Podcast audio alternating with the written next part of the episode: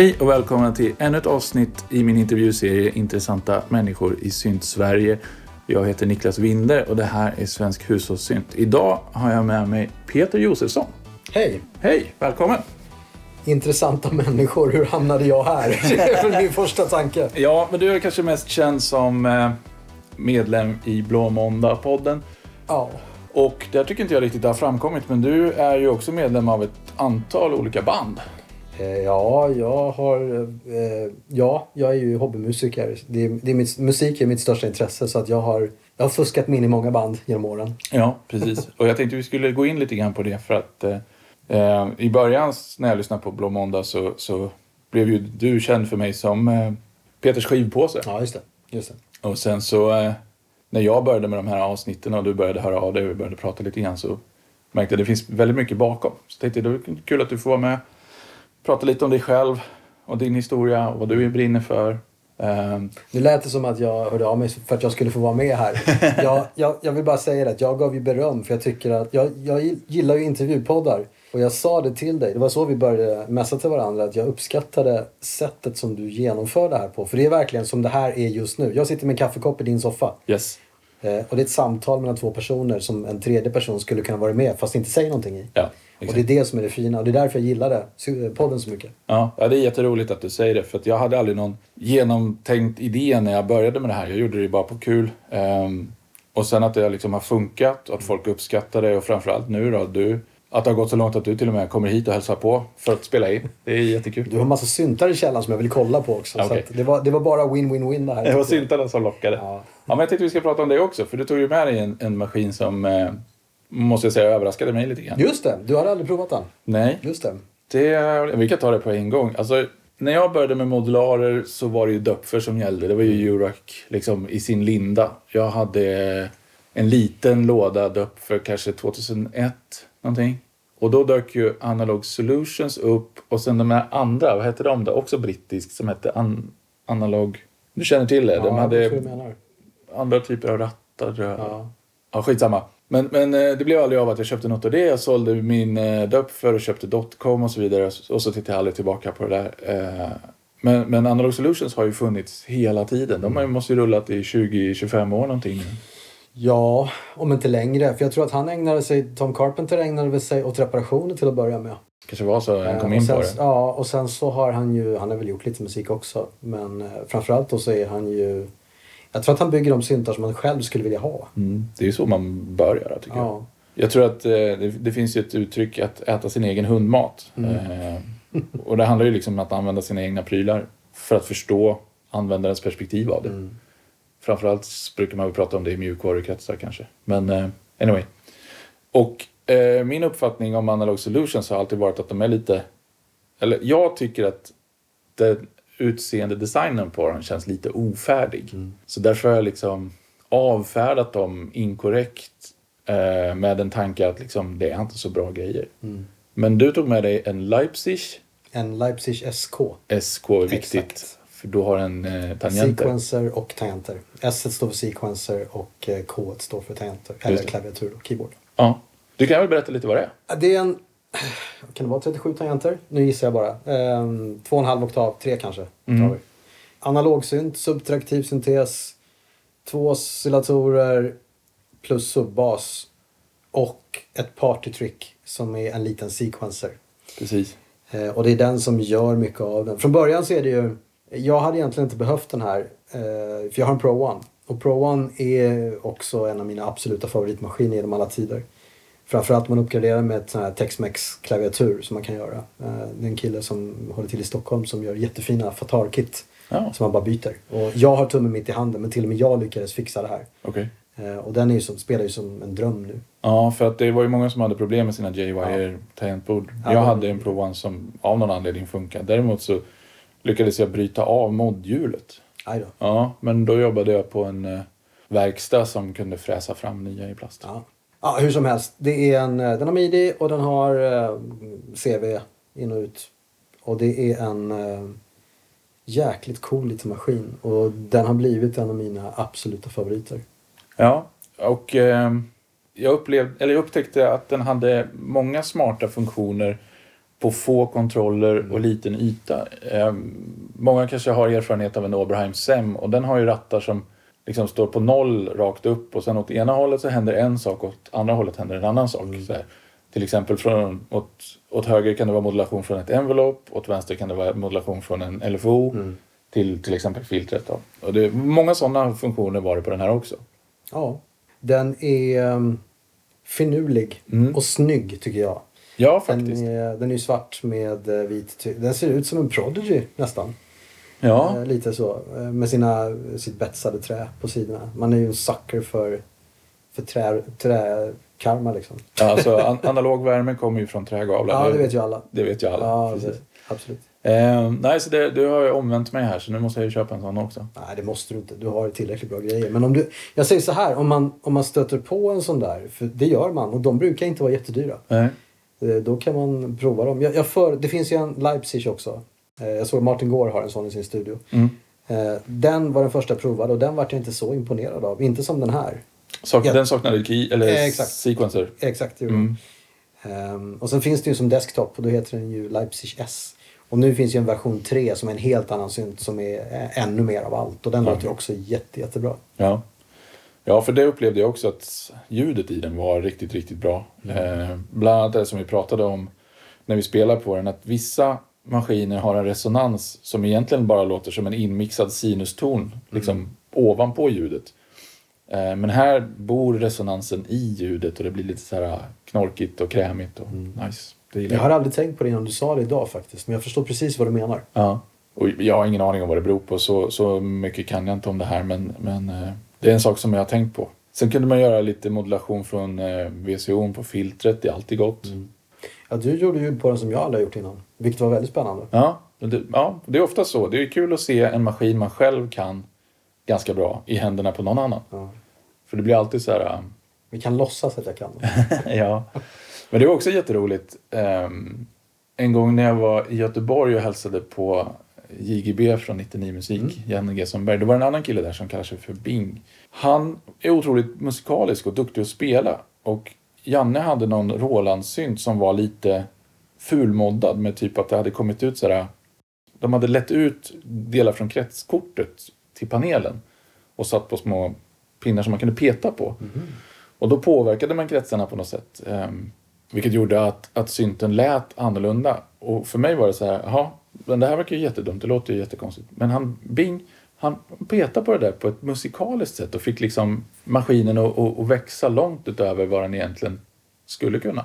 För han hörde på något sätt och fattade sig på det där. Det tyckte jag var skitfränt. Det var, det var en av de första gångerna jag såg någon liksom verkligen approacha ett instrument på ett helt annat sätt än jag har gjort. Coolt. Ja, det var jävligt imponerande. Det finns sådana där man kan löda själv, här touchgrejer till Eurorack har jag sett. Som Ja. gör att man bryter banor eller man, man påverkar. Jag menar, kroppen är Mm. byggd av det där. Så, Mm. Eh, jag gillar den, den, eh, den idén. Ja. Men i din roll som skiv, Peters skivpåse så är det en sak som har slagit mig. Det, är- jag, framförallt så, så spelar du väldigt mycket musik som jag aldrig skulle få för mig att leta rätt på själv. Så att jag har fått lära mig eh, en Den massa hårda vägen. Ja. Eh, och som jag sa förut också, eh, jag gillar inte all musik ni spelar men jag älskar att ni gör det. För att man lär sig alltid någonting och man, man får alltid en ny känsla för någonting. Det tycker jag är jättebra. Men det som jag tycker jag lyste igenom framförallt är din otroliga kärlek till musiken. Mm. Var kommer det ifrån?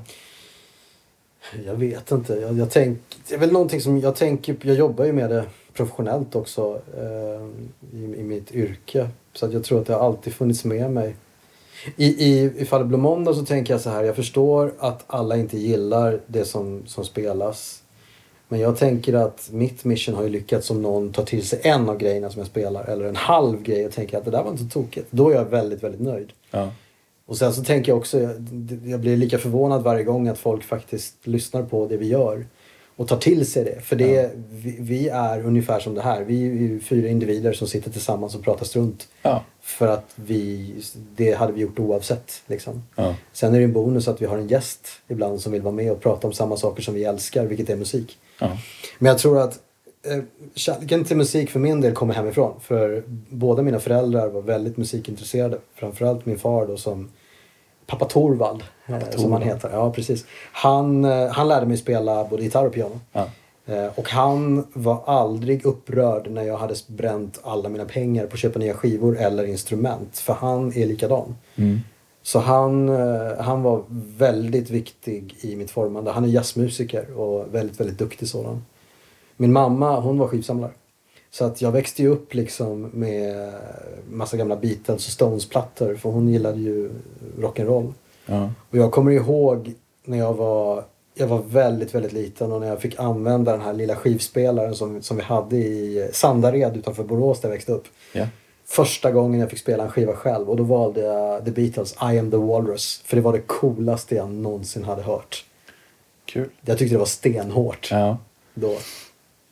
Och sen var det liksom, eh, men hon hade massa eh, Stones sjuor som jag spelade. Så jag växte ju upp med Beatles och Stones helt Mm. enkelt. Och min pappa då som spelar jazz. Jazz har jag aldrig varit speciellt förtjust i. Jag otroligt kompetenta musiker men improvisationsmusik i den formen har aldrig tilltalat mig. Nej.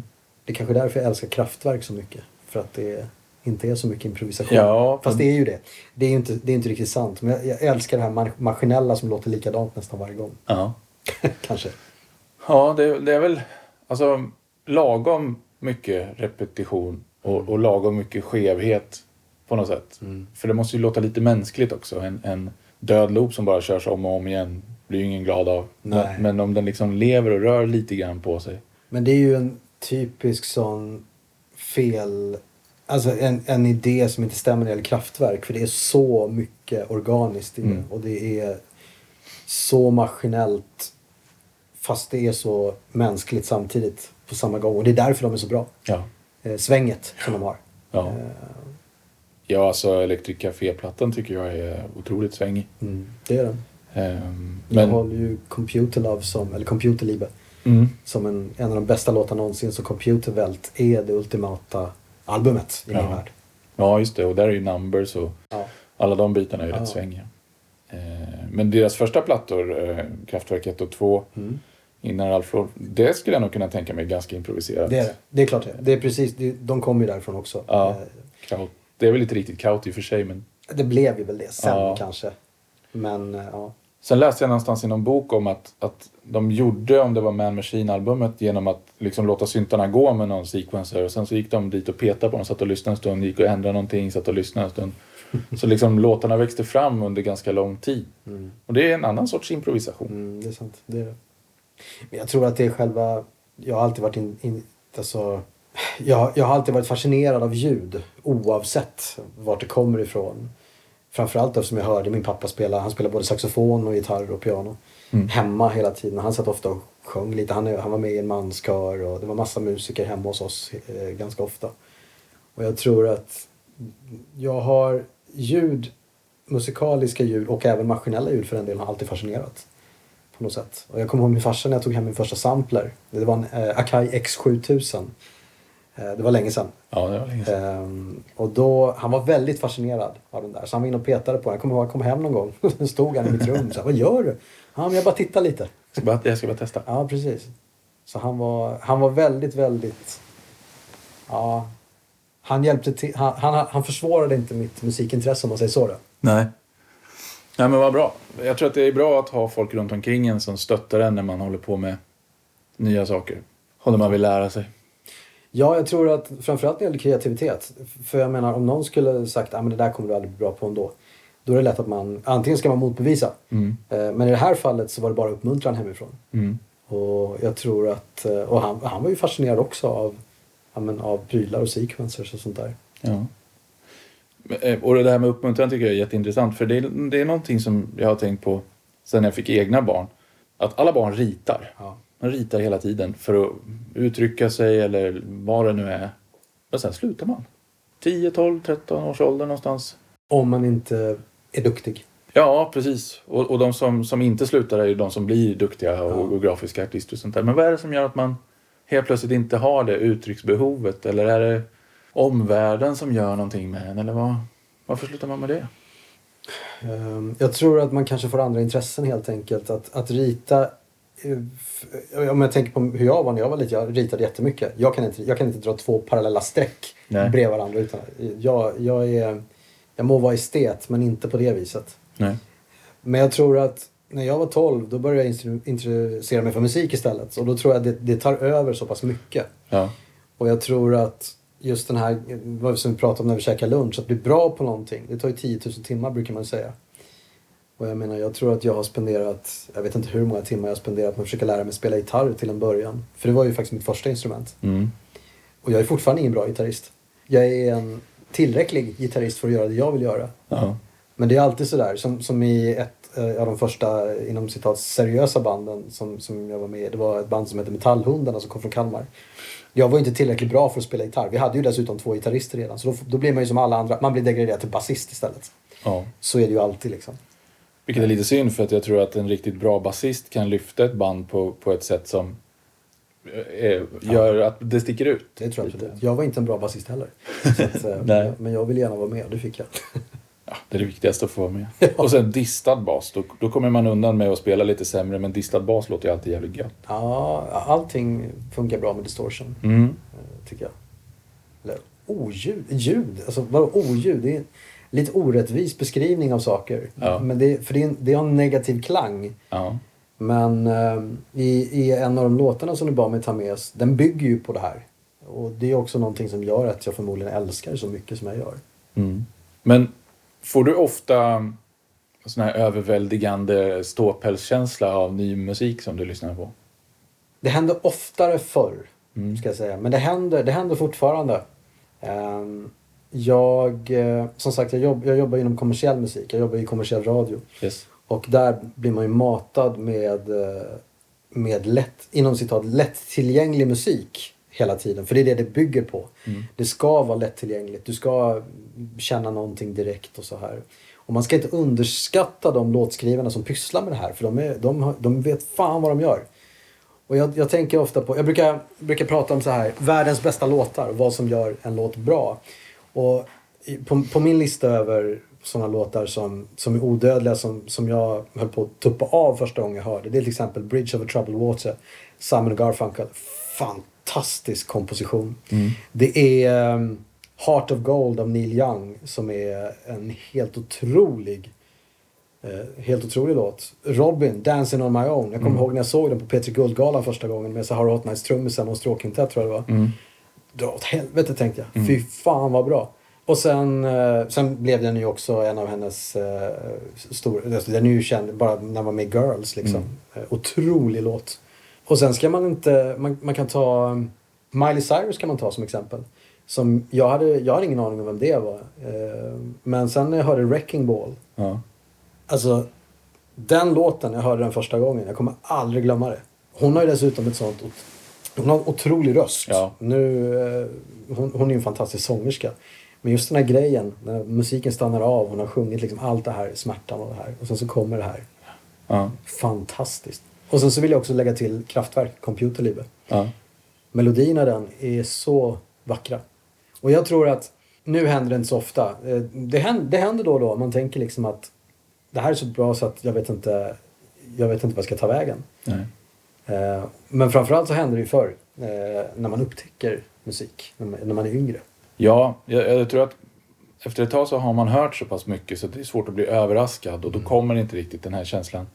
Men man bör, börjar också förstå hantverket bakom och man uppskattar, alltså man kan uppskatta en låt därför att man vet att den är, det var jävligt krångligt att göra den. Som till exempel så tycker jag Switch on Bach och, och Ja, Wendy Carlos-grejerna absolut. Är väl kanske inte musikaliskt världens fränaste men man inser ju liksom hur mycket hon jobbade för att få till det där.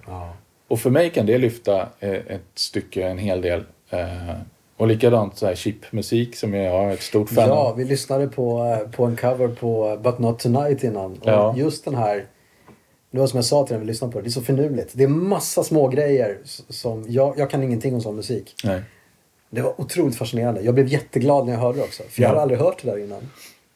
Nej, och, och alltså riktigt gammal chipmusik som är gjord på en gammal Commodore 64, det, där satt man ju mer eller mindre och programmerade musiken. Ibland så fanns det väl trackers och andra program man kunde använda och skriva musiken i. Men man kunde lika gärna skriva den rakt i programkod, liksom, Ja. i, i basic program. Och då börjar man ju förstå att det här är liksom det här tar tid Ja. att få till. Jag tänker mest att sånt där hörde man ju när man spelade eh, C64-spel eller Amiga-spel. Då var Ja. det alltid någon sån här demo. Tyvärr så skippar man bara förbi dem för man vill komma till spelet. Ja. Man borde ju varit lite mer uppmärksam på det jobbet som de har lagt ner Ja. eh, ändå på det.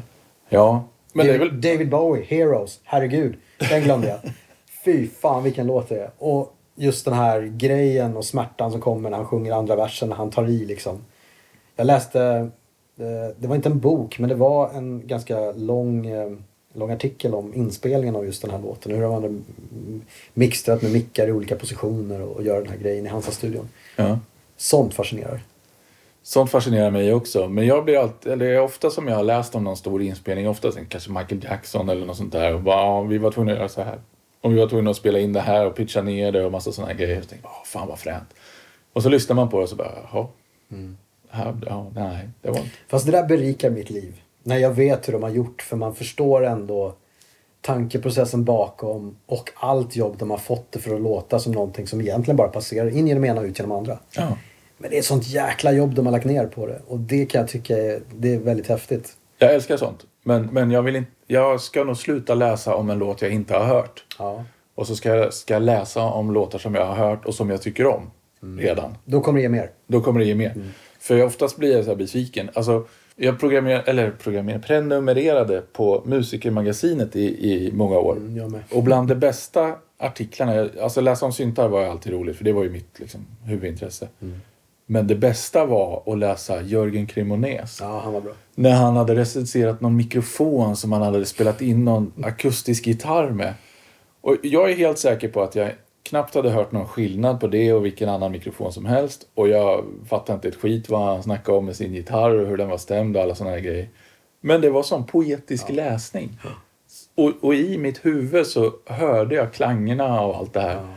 Och, och liksom, för mig var det fantastiskt. Men jag är helt säker på att om jag hade suttit med honom när han gjorde det här så hade jag tröttnat och velat gå hem.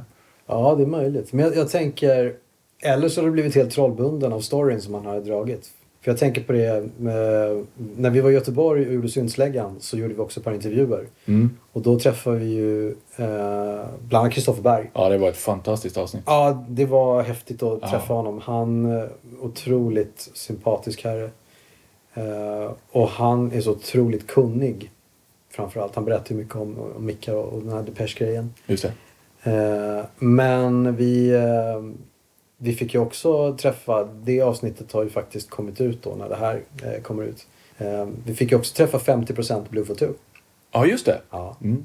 Det la du upp någon, på någon Insta va? ja, precis. Men vi gjorde ett avsnitt med honom också. Ja. Och det, ja, det var så häftigt att vara i Musicamatic-studion och Ja. se liksom när han satt vid flygeln och spelade chips för oss. Mm. Fantastiskt. Och en otroligt, vilken, en fantastisk storyteller. Ja. Eh, Och Kul. jag tänker bara alla band som har varit där i studion och spelat in också. Det var, eh, ja, det, det var häftigt. Och han hade just, eh, han hade en sån otroligt fin approach till det. För han var ju sån här, ja men jag inte använder det, då ska jag inte ha det. Han var stenhård på det. Så han sålde av prylar? Ja, eller han hade, inte, han hade intresserat sig för några grejer. De här gillar han och de här kan han. Och det, Ja. det här är, han hade en two voice bland annat. Uff. En Oberheim som var hans första synt tror jag. Han berättade. Ehm, och han kunde den in och ut. Och han hade lyckats synka den genom att hitta på grejer. Och han hade, ja. Det var... Han pratade också med sån otrolig kärlek om sina prylar han hade i studion. För han visste exakt vad, han visste exakt vad han skulle göra med dem. Han visste exakt vad han kunde få ut av dem. Och jag tänker, jag är ju som du, man har ju gas på saker. Liksom. Eh, Och det är inte bra. För det blir inte bättre. Samtidigt så får du tio nya idéer när du köper en ny pryl. Men att, att byta grejer hela tiden, det blir jobbigt. Ja, det gör det. Det tar mycket mental energi. Ja, så jag har ju varit, nu är jag ju stenhård mot mig själv här och sagt att en in, en ut. Och jag har ingenting jag vill göra mig av med. Som tur är så har jag lite plats kvar med ett av mina Eurorack. Ja. Så jag kan stoppa in några moduler där. Men, men sen är det liksom stopp. Eurorack är ju alltid sådär. Det, det går alltid att köpa och sälja och byta och knö in någonting. Ja, jag skulle ha ett case. Det slutade Mm. med att jag hade för många. Nu har jag tre. Ja, det är illa nog. Men jag tänkte på det. Jag har insett att jag har aldrig en vision med min musik. Och de gångerna jag försökt att ha en vision så misslyckas jag alltid. Så om jag går in i studion med någonting i huvudet och någon tanke med någonting jag vill åstadkomma, då blir det aldrig någonting. Men en sån här man som han du pratar om nu, eh, han har säkert en stark vision med det han vill göra. Han har säkert någonting han hör i huvudet. Och när han då ska göra det, då vill han ha instrument som han kan utan och innan och som han vet liksom hur han ska använda för att få ut det han vill. Det var likadant med Björn från Ort Cloud Services som jag intervjuade för ett tag sedan. Han, han kör Reason och i Reason vet han exakt hur han ska få ut det han har i huvudet. Men jag, låt, jag behöver bli inspirerad av maskinerna och låta dem hjälpa mig att göra musiken snarare än att jag tvingar dem att göra som jag vill. Så jag kan ha... Det, det bästa liksom, tillfällena när jag gör musik, då har jag kanske ramlat på en liten melodi eller en ackordföljd och sen hör jag hela tiden nästa steg. Ja, då kan jag lägga en hi-hat där, då kan jag lägga trummor där, då kan jag lägga en basgång där som ska gå ungefär så här och så vidare och så vidare. Och sen hälften av de fallen på väg mot det jag hade tänkt så blir, det lite annorlunda på syntet. Jag tänkte, fan jag tar det här istället, det blir bättre. Så ehm, jag är inte liksom oprovocerat kreativ i mig själv. Utan jag är reaktivt kreativ. Jag mår bäst när jag slipper börja med ett vitt blankt papper. Jag behöver någon, något litet frö liksom. Det är därför jag har landat i att hjälpa andra med deras musik mycket mer nu på sistone än att göra egen. Fast jag tror att det är viktigare bara att känna att man får utlopp för sin kreativa sida. Om det här är någonting som ger dig utloppet för, det är det du ska göra. Ja, För jag menar, man kan inte pressa sig själv att skriva musik heller. Det går inte. För kommer, jag kan inte i alla fall. Jag är inte så pass duktig. jag tror att, nu jobbar jag inte med musik professionellt som låtskrivare heller. Och jag hade inte klarat av det för jag är alldeles för självkritisk dessutom. ja. Så jag tror att du har hamnat helt rätt där du är. Och, och göra musik med andra människor. Sen så kanske du eh, kanske får någon idé och skriver någonting. Men kanske, jag, jag har upptäckt att jag har svårare att slutföra grejer själv. Jag kan inte göra det. Jag, jag måste jobba med någon annan. Mm. För annars så blir ingenting klart. Då kommer jag fortsätta att sitta och peta i det. Och sen så, ja man kanske kan göra så här istället. Och jag tror att jag är en blandning av reaktiv på saker som jag köper. För, för jag, jag, det är ju så. Köper man en, ny synt eller en ny modul, du får ju massa nya idéer ur dem. Men sen samtidigt kan man ju inte hålla på så. För det går, plånboken har ju inte råd med det. Nej. Det, det funkar liksom inte. Och jag tror att... Eh, sen så, det kanske man ska säga också. Nu tror jag ingen som hör det här inte vet om det här. Men anledningen till att man har en massa olika instrument, olika syntar framförallt, är att varje pryl låter olika. De, de, folk förstår inte alltid det, men Roland-syntar låter på sitt sätt. De har sitt sound. Och det är ingen slump att folk vill ha vissa av dem. Och det är... En synthesizer är en synthesizer, men de låter väldigt olika. Och Yes. jag, inspir- jag använder till exempel vissa syntar till vissa grejer. Eh, och vissa syntar till vissa band skulle jag säga också, för den delen. Ja. Och det är samma sak med trummaskiner och det är samma sak med gitarrer. Jag har Ja. många gitarrer också. Jag är ju gitarrsamlare också. Man, man kan ju inte bara ha ett missbruk, man måste ju ha flera liksom. Ja. Och folk frågar mig varför har, du, varför har du så många elgitarrer? Jo, för att det är olika trä i dem. De låter olika. De spelar olika. ja. Och sen så har de ju olika färg och alla vet ju att en gitarr som man tycker är snygg, den spelar man ju bättre på. Såklart. När man känner sig snygg när man står med den. Exakt. Men, men det där märkte vi lite grann förut också. För Leipzigen hade ju faktiskt ett ganska skönt eget sound. Den var murrig och som du sa lite luddig. Eller vad sa du? Fluff? Den var, eh, ja den var, ja vad fan sa jag? Den låter... Ullig, sa du? Ullig ja, precis. Den är woolly, precis. Ja. Ja. Ja, det gillade jag. Eh, och sen körde vi lite på min Micromoog. Ja, Som har ett annat sound. Men den låter också väldigt gosigt. Ja. Men det är någonting med det här, alltså, som vi sa när vi käkade lunch innan. Idag så finns det jättemycket bra mjukvara som låter hur bra som helst. Yes. Och det är absolut inget fel. Fan, jag kör ju Reason själv, herregud. Ja, Älskar Reason. Eh, men det som man inte får, det som jag inte får av när jag skruvar Reason-ljud är ju den taktila känslan på att faktiskt vrida på en ratt. Ja. Och risken att någonting sprakar till. För det för mig är inspiration också. Ja. Så det är egentligen den stora win-win med att ha, att ha många olika syntar. Är ju just den grejen. För den ger så mycket. Inte för alla! Fan, jag, har, eh, jag, jag kommer ihåg. Det finns en kille som heter Victor Jinner. Han eh, hade band som hette, har fortfarande ett band som heter eh, Rupesh Cartel som är fantastiskt bra. Och han sitter ju och gör allting i sin laptop. Ja. Han gjorde ett par, ja de, de, var, ju, de var ett band, de var ju flera. Eh, och han är så jävla duktig på att skruva ljud. Alltså den här analogt, digitalt, mjukvara, hårdvara konflikten som fanns, eller konflikt var det. Men det var en liten polariserad motsättningsgrej som fanns för några år sedan. Den upplever jag är ganska borta nu. Folk har blivit mycket mer pragmatiska istället. Ja, den är, inte- det är ju töntigt. Det Ja, det är skittöntigt redan är- när den kom från början. Men, Det är ungefär lika töntigt som det var när man var 14 och var syntar eller hårdrockare. Liksom. ja, eller är- PC eller Mac-kriget, Ja. Android, iPhone. Absolut.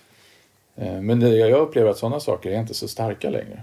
Jag tror inte heller att det är det. För att jag tror att eh, idag, mjukvara låter väldigt bra. Då. Alltså Ja. det finns ingen anledning. Jag menar, det fina med alla kan ha en dator. Och det finns gratis musikprogram. Och det fina, det demokratiska i det är att alla kan göra musik om man vill. Ja, Eh, Man måste inte ha en, en dyr synt för att göra bra musik. nej. Herregud, många av de här proddarna som var på radio som är världshits, de är gjorda hemma i ett sovrum. Mm. Jag kommer ihåg när eh, Liam Howlett i The Prodigy, han hade ju han hade ett break från musiken för han fick inte ut någonting. Och sen så låste han in sig i sitt sovrum med, med sin, ja med, med Reason tror jag det var. Mm. Och så skrev de ju en hel platta på den. Jag tror det är den här Invaders Must Die. Som är skitbra. Och det är, ja kanske möjligtvis lite samples som man hade. Men resten är gjort på bara mjukvara. Ja. Och det låter fantastiskt. Så man ska inte, skit, skit i det vad du har. Inspirera dig med instrument, ha instrument om du har råd med det. Gör Absolut. musik bara, det är det enda som är viktigt. ja, ut med grejerna. Ja, Men, men ehm, sen är det ju också en bekvämlighetsgrej. Men, men det, här, det här tycker jag slår jävligt olika. För när jag mixar och masterar folks musik så, så inser jag att jag på tok för lat för att ha hårdvara till det. Om jag skulle sitta med en hel masteringskedja i hårdvara med massa fina prylar och sen ska jag spela in min kunds låt genom hela den kedjan i en ny fil och, och liksom förpacka och skicka iväg. Och sen tre dagar senare så vill kunden ha något ändrat. Då måste jag liksom patcha upp allting igen, ställa in det enligt... Åh, jag orkar inte. Men när jag sitter och gör musik och, och jag tänker så här, fan nu skulle jag vilja ha den synten och den synten ligger på en hylla, inte inkopplad eller någonting. Då är det lite mysigt att gå och plocka fram den, jacka in den, ratta in någonting. Och det kanske kommer lite grann från att jag nästan alltid har kört analogsyntar utan minnen. Så det har alltid varit liksom, ja men jag måste ratta på den. Och nu har jag fler syntar än jag får plats med, både eh, alltså, i mina hyllor och i mixern. Så det blir alltid någon sorts kopplingsgrej. Men jag tänkte också på det här ehm, som, som vi har skrivit lite grann om fram och tillbaka. Men jag var, alltså, hur kommer det sig att tidig synt låter som den gör? Var, varifrån kommer det här behovet av att uttrycka sig? Och, och jag skulle nästan vilja hävda, den här syntgenren har, säger vi ju ofta, den finns inte utanför Sverige. Eh, utan där heter det industrial eller dark Goth. mm, eller goth Ja, eller precis. vad som helst. Va? Eh, men, Rivet Heads tror jag de kallas för i USA också. ja. men jag gillar ju syntgenren, kanske tack vare att den är så svårdefinierad. Men för mig är ju liksom, alltså Nitzer och tidig Depeche och sånt där, det är ju liksom synt. Vad, vad, vad kommer det där ifrån? Hur kommer det sig att de här människorna gjorde den här musiken? Och jag tror ju att det finns lite av den här hopplösheten och, och uppgivenheten i, i åt- tidiga 80-talets England. Ja, Thatchers England ja, precis. Ja, precis. När, när, det, när det börjar vara jobbigt liksom att leva. Ja. Jag tänker väl någonstans att för, alltså om man tittar lite tidigare då på 60-talet så var ju, alltså det var ju inte, alla hade ju inte råd med en synthesizer. De var ju stor, det fanns ju i stort sett bara stora Moog-system och Mm. ja, EMU-system möjligtvis då och sånt där. Men jag tror att det, det var väl själva anledningen till att ja, men Depeche köpte syntar till exempel. Det var ju att först och främst så kunde man bära med sig dem och Ja. spela ute. Ja. Och jag tror att det är, ju, det är ett framtidsinstrument. Framtiden låter så här. Den låter elektroniskt. Den låter... Den kan ändra ljud. Eh, och jag tror att, jag vet inte om det var lika mycket liv i, i England som det var när samplen kom. För där var ju orkestrar oroliga över att de aldrig skulle få jobba igen. Så de försökte förbjuda det. Ja. Eh, jag tror inte att det var lika illa med synthesizers. För att en synthesizer låter inte, alltså på den tiden, låter ju inte som, som en cello till exempel. Nej. Men jag tror att, jag, dels så tror jag att det var ny teknik som inspirerar. Det är ett instrument av sin tidsålder. Av, det är liksom industriellt och det är maskiner och det är liksom delvis början på dataåldern om man vill kalla det för det. För då började det komma liksom de här stora rullbandarna som snurrade med data fram och tillbaka. Ja. Jag tror att eh, jag tror att synthesizern i den formen är en... Eh, den kom där på grund av tekniken helt enkelt. Och jag tror att ny teknik är alltid sånt som inspirerar människor. Det har alltid varit så oavsett vad det gäller. Mm. Eh, det är trender. Och det ska man inte glömma heller att det var en trend på den tiden att använda sådana instrument. Ja, just det. kom en helt ny... Det, det var ju ett helt nytt ljud egentligen. Sen har, sen har det funnits synthesizers 20 år tidigare. Mm. Om vi snackar tidigt 80-tal. Eh, såklart har det funnits ännu längre tillbaka om man ska titta på det. Men det var ju inte ett populärinstrument på det viset. Nej. Och elektronisk musik på 50-talet var ju så tape-musik Ja. och sådana Det här ska vi saker. prata med Lisa om. Hon kan allt om Mm. sånt där. Ja, och jag har aldrig riktigt fastnat för tape-musik. Och sen så var det någon som tjatade om han Morton Subotnik Mm. och så kollade in en video på honom. Och jag blev så trött på gubben, det får man inte säga. Men han tyckte han var så full av sig själv så jag orkar inte mer. Ehm, så därför tycker jag han är sämst. Nej, men det, det var inget fel på han. Men, eh, men jag har ju... Man måste inte gilla allt. Man måste inte Så gilla allt. faktiskt. Man gillar Eh, olika grejer. Ja, men när jag började intressera mig för buckla så, så var ju han stor inom det då. Mm. Och eh, ja, man, man ramlade på honom lite här och där och då blev jag liksom lite sur på det. Men man måste till allt. Mm. Nej, men jag, jag tror ju att den här elektroniska, tidiga elektroniska pop och aktiga musiken men ändå med det här vemodet. Det, det är väl någon sorts andra vågens punk egentligen. För det känns som att det är lite grann samma attityd, lite samma grej. Inte lika hårt sådär alla gånger men, men ändå lite, ja, samma grej. Ja, jag tror att synthesizern som instrument leder ju till experimentlust oavsett vad det gäller. Så det, det fanns ju hård musik då också. Lyssna på tidiga SPK eller sånt där. Mm. Eller Clock 2. Mm. Det, fin- det finns ju mycket. Fast det kallas ju för industri då istället. Ja. Eh, men jag tror att eh, det, det, fina, det fina med punken till att börja med det är ju att anyone can play guitar. Mm. Det är ju det som är punkattityd och punkacitet är ju liksom att alla kan ha ett band, alla kan göra skivor, alla kan spela. Oavsett hur det låter. Det spelar ingen roll för det är inte det som är det viktiga. Det kreativa är det viktiga. Det blev ju inte svårare när det kom syntar. För de är ju nästan lättare att hantera än en gitarr. Det, jag skulle vilja påstå att det är lite lättare att spela synt än att spela gitarr i alla fall. Det skulle jag nog också hålla med. Så jag tror att det öppnade ju vägar för, för många fler Mm. att eh, starta band kanske.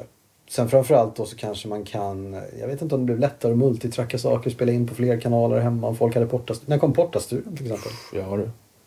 Ingen aning. Jag köpte min första slutet på 80-talet kanske. Ja. Ja, en, ja, vanliga f- kassettporta fyrkanals borde ju ha funnits någon gång sedan tidigt 80-tal. Ja, jag jag vet inte. Jag har en jättefin taska med 244 som funkar svinbra. Ja. Men det måste ju vara en demokratiseringsprocess. Att, Ja. att liksom folk kan spela in hemma. Åtminstone peta ihop en demo som Ja. man kan gå iväg med någonstans. Ja. Ja, verkligen. Och så tror jag att, men det börjar väl redan med rullband. För rullband kan du ju teoretiskt sett spela, om du har två kanaler kan du spela in. Mm. Du behöver ju liksom inte spela in båda samtidigt. Nej, nej. Och det är väl fördelen med sådana. Är det fjär, kvartstumsband på sådana som man hade i skolan? Ja, sådana gamla Tandberg. Ja, exakt. För det var ju, det var ju fascinerande när man kunde köra dem på olika hastigheter tyckte jag. Ja. Kommer jag ihåg. Jag lärde mig ju, jag har ju en lång karriär inom eh, kommersiell radio. Mm. Eh, Jag hade ett break i tv-branschen på 13 år. Men men sen kändes det som att jag kom hem igen. Men jag började jobba med kommersiell radio 1992. Mm. Eh, Och jag lärde mig ju alltså redigera på rullband. För vi hade inget hårddiskspelningssystem på den tiden. Vi hade liksom ingen, eh, ja, ingen Pro Tools eller sånt där. Utan jag har ju klippt intervjuer på rullband. Det var så jag lärde mig. Med sax och tejp. Med saxotejp. Ja. Och det var fantastiskt. Och framförallt när man lärde sig man började förstå de här mixmax-snubbarna hur de höll på med här med bandloopar. Jag förstod aldrig hur det var innan. Innan jag var tvungen att ha en bakgrund som jag skulle ha och gå. Så, kom, så det var ingen revolutionerande idé. Men jag kom på om jag sett, om jag sett ett klipp, snitt här och så tejpar ihop den och så går den runt ett bordsben. Ja. Och sen går den ju bara. Det var precis vad de gjorde. Ja. Och det var ju en revolution för mig bara. Jag undrar hur de har gjort det. Då, då fattar man ju Ja. sådana saker. Ja, jag- band har jag aldrig hållit på med mer än små kassetter och spelat in själv liksom och sådär. Men eh, jag har ju tittat tillbaka lite grann på band, hur, hur det funkar med band och, och så här. Och, och som du säger, när man inser hur folk har gjort saker och man kan antingen emulera det i, i, i, datorn idag då, eller liksom göra någon liknande effekt på något sätt. Då, då, det är ett nytt sätt att göra ljud. Det är kanske lite ovanligt idag men det har rötter. Så någonstans har man ju ändå hört det. Det finns liksom till, i bakhuvudet på folk så det blir lite familjärt på något sätt ändå. Ja, och sen så det fina med band är ju också att återgivningen är inte garanterad att den blir likadan varje gång heller. Nej. Det är därför Space Echoes är så fina. Ja. Eh, Alltså band, bandburkar, eko, bandekon och sånt där. Det skulle jag gärna vilja ha ett. Ett riktigt bandeko. Jag kommer aldrig köpa ett för det kostar för mycket pengar. Eh, Men eh, det de fascinerar mig. Nu finns det ju, antar jag, bra emulering av sånt. Jag tycker de låter bra. Jag, Ja. jag vet inte för jag har aldrig haft något riktigt. Men eh, jag blir alltid så avundsjuk när jag ser Anders Karlsson, Celldöd, när han Mm. kör. Han har ju ett sånt riktigt eh, Space Echo. Det låter alltid så jävla fett om allting han gör. Ja. Älskar hans sound. Alltså, jag har haft sån här Bucket Brigade Delay analog ekon som folk har hyllat till höjderna. Jag har haft Moog-pedalen och jag haft lite olika andra. Och jag har aldrig fastnat för soundet i dem. Nej. Och därför är jag livrädd för, för bandekon också. För alla hyllar dem till hög, höjderna och jag känner så bara, fast jag törs inte lägga ut de pengarna och bli besviken. Och tänka så bara, nej, det Du låter... får åka hem till någon som har det så får du prova. Ja, jag får göra det. Men, eh, men eh, ja, som jag sa till dig förut, jag har inga externa effekter längre. Jag spelar bara in i datorn och så lägger jag på effekter där. Så Ja. jag kanske skulle köpa mig en Strymon-pedal eller något sånt där för, för lite delay och grejer. Det är alltid mysigt när man står och jammar och lägger lite delay på saker. Ja, alltså. När jag spelar in så gör jag ju fel. För jag spelar ju in ibland med effekter så jag inte kan korrigera efteråt. Och det är med flit. Mm. För i min värld så är ju effekten en del av ljudet som det låter när jag hör det i mitt huvud. Och då vill jag inte ändra det efteråt. Då finns det ingen poäng med att spela in det torrt så man kan byta Nej. efteråt. Och det är en effektivis- effektiviseringsprocess för mig också att inte kunna ändra efteråt. Nu är det så här, nu blir det så här. Och då kan jag gå vidare med nästa grej istället. Istället för att sitta och peta i projekt i flera år. Ja. Som jag har gjort innan. Ja. Det där tror jag är en viktig insikt och någonting att ta med sig. Att, att man liksom committar och så kör man vidare. Och likadant, alla låtar du gör måste inte bli mästerverk. Det var, jag pratade lite med Johnny om det. Just det här att man bara släpp grejerna. Gör en låt. Jaha, den blev bra. Okej, okay. men nu får den vara klar. Nu gör jag en till. Rulla på där. För att den erfarenhet du skaffar dig genom att fila på en låt i tre år är ingenting mot den erfarenhet du skulle få om du hade gjort 300 låtar på tre år. Exakt. Ehm, Så, så det tror jag att man ska vara duktigare på. Ja, den här kanske inte blir tillräckligt bra ljud. Ja, men jag gör en till. Köra på bara. Ja, jag håller hund- 100% med om det. Och dessutom så tror jag att man ska försöka samarbeta med så många olika människor som möjligt. Ja. Som exempel så, ja men ta mitt senaste projekt som jag jobbat med som är det största som jag har jobbat med de senaste åren, Maper. Det är Mm. ju jag och en eh, före detta kollega som jag hade på kanal 5 eller på Discovery när jag jobbade där. Eh, Henrik han, han spelar ju cello och han är en, en av de mest fantastiska musiker som jag känner och någonsin har jobbat med. ja.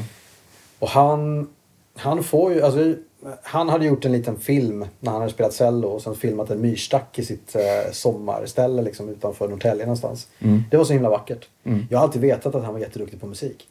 Eh, men jag hade aldrig, aldrig tänkt tanken att vi skulle göra någonting ihop. Så att Nej.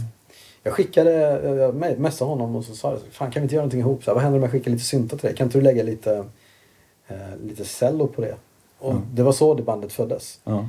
Jag har, jag har jag hade ingen koll på ambient musik. Jag visste vad jag, vad jag gillade och jag visste vad jag inte gillade. Men jag, jag, jag kan ingenting om sånt Nej. egentligen. Och det är en blessing and a curse som min kompis Tobbe alltid säger. För jag lånar säkert av många. Mm. Och det är ingenting som, som jag hittar på som är nytt på något sätt. Men vi, vi bara gör. Ja. Och det är, så, det är så härligt för att jag gör lite grejer och sen så skickar jag det till Henrik. Då får han få mina stems. Och sen så gör han sitt på det. Och sen så, han är ju sound designer. Mm. Så han kan ju det här med musik. Han spelar ju med Pelle Oskler liksom. Han är svinduktig. Och sen är det klart. Och sen så har vi haft, nu har vi anlitat en kille som heter Ruben Etzell till att mastra det. Och det blev så jäkla fett. Mm. Och det går fort. Det är det som är grejen. Det där tror jag också är viktigt, att det liksom rullar på. Att man inte Ja. känner att det fastnar och blir segt. Liksom. Nej. En, en annan grej var när jag spelade, jag vet inte vi kallar, vad man ska kalla det för. Vi hade en annan kollega som inte kan någon musikteori överhuvudtaget. Han kan sjunga däremot. Han sjunger väldigt, väldigt bra. Men han kan inga toner, han kan inte spela något instrument. Så jag och en annan kollega från Discovery, Johan, vi spelade gitarr och sen så fick vi ta ut då ackorden efter hans melodier. Jaha. Och det som var grejen där var att då fick jag lära mig spela gitarr med crunch-ljud och lite spring reverb. Jag fick inte ha allting på 10. Nej. Eller 11 helst då. Som jag alltid hade haft innan. Ja. Jag hade bara dragit fingret rätt upp på förstärkaren, spelat så högt som möjligt med så mycket distortion som möjligt. Ja. Så då fick jag lära mig spela gitarr på ett helt nytt sätt. Och det var otroligt nyttigt för mig. För jag har bara spelat power chords innan. Jag har liksom aldrig brytt mig. Jag kan spela vanliga ackord också, men jag har bara spelat power chords. För det räcker när man spelar i punkband. Eller det räckte för mig med, min, med mina skills. så jag tror att man ska jobba med så många möjliga, så många som möjligt. Ja. Du kommer alltid lära dig en ny sak som du kan ta med dig och applicera i nästa grej. Och sen, men sen tror jag också det som du nämnde här, att, att du inte har någon ryggsäck i, i den genren tror jag är jättebra. För att om jag skulle sätta mig ner en dag och göra, säga så här, "Bara, jag ska göra body. Mm. Ja, men då måste du ju ha liksom Nitzer, Duff. ehm, Det för finns mig är många det liksom, referensramar. Ja, en stark body liksom. Och, och om det inte låter som det, om det som kommer ut inte är det, ja, då har jag ju misslyckats. Mm. Och som jag sa förut, jag är värdelös på att göra någon sorts vision som jag har i huvudet. Liksom. Mm. Jag måste bara leka fram någonting, få ett frö och liksom bygga vidare på det. Men eh, du har ju inte bara olika band som du petar i, du har ett, ett litet skivbolag eller kassettbolag. Ja, alltså jag nästlar mig in där. Snarare så ska man nog säga. Det är ju eh, Jonas Fredriksson och hans fru Johanna som eh, har det egentligen. Allvarlig Tape Recordings. Men eh, sen, ja det är väl två, två eller tre år tillbaka så är jag med där. Så vi kör det tillsammans alla tre. Mm. Jonas, ja hade det inte varit för Jonas så hade jag inte känt en käft i Stockholm tror jag inte. Jaha. Han är liksom anledningen till att jag har lärt känna alla människor som, eh, som jag känner och umgås med idag. För de är likadana. Ja. De är enkla människor som gillar musik och gillar att prata musik. Och eh, båda, både Jonas och Johanna har blivit mina absolut bästa vänner Mm. här uppe i Stockholm. Underbart. Ja, det Jonas, det ska ju tilläggas. Jag har ju sett Jonas stå på scen när han var 15. hemma i Kalmar. Jag jag är från Kalmar från början. Yes. Eh, han, de hade någon syntgala där. Eh, och jag tror att det var Optical Rights han spelade med. Jag minns att han spelade, jag kommer inte ihåg. Jag visste inte att det var han, för jag lärde känna honom här i Stockholm för ja, det är snart tio år sedan nu då. Ja.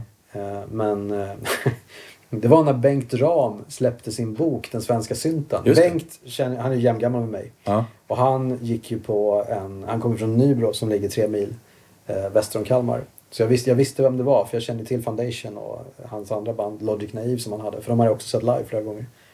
Så när han släppte den här boken så tänkte jag att det måste jag gå och kolla. För det var ju, var ju ett, en bokrelease ute hos Nicke i Sumpan på Delicious Goldfish.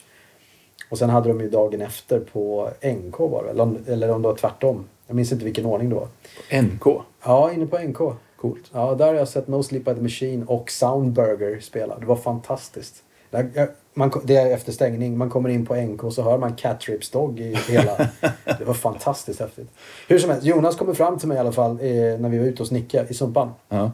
Och säger att du, vi måste snacka sen. Vi måste snacka metallhundarna. Och jag bara, what? det är ett band som jag inte har tänkt på på ganska många år. Ja. Eh, Men eh, ja, sen så, det var ju precis när han skulle öppna Collapse Records. Eh, Så jag började hänga där på lördagar och köpte, jag hade inte köpt skivor på ganska många år för jag hade tröttnat lite. Ja, jag bodde i London under en period, där köpte jag mycket skivor. Men sen lärde jag känna de som jobbade där i butiken, både han och Anger och Jimmy Svensson eller Jabibo, alltså Mm. Fredrik Djurfelt, alla de här människorna. Eh, Anders Eklund och många Anders Karlsson lärde jag känna där också. Mm. Alla de här människorna har jag lärt känna där. Hedberg, som jag spelat med också. Fan, alla som står mig nära har jag lärt känna i den där butiken tack vare Jonas. Ja, Mm. Måns och Anders också faktiskt. Just det, de andra medlemmarna i Blå Måndag, Ja. förutom Lisa då. också. Ja, precis. Ja. Det, är, det är bra när man träffar folk som introducerar en för andra. Jag har blivit jävligt ensam om det inte vore för Jonas. Ja, annars hade du träffat någon annan som Jonas och så hade han någon finns, ingen, finns ingen annan som Jonas. Han Finns ingen annan som- Ja, nej, nej, nej. Men det, det jag tänkte komma till med allvaret, eh, det här, vad är det med utgivning som är så, vad ska man säga, lockande? För det finns ju någon, någonting i mänskligheten som gör att vi vill bevara saker till eftervärlden.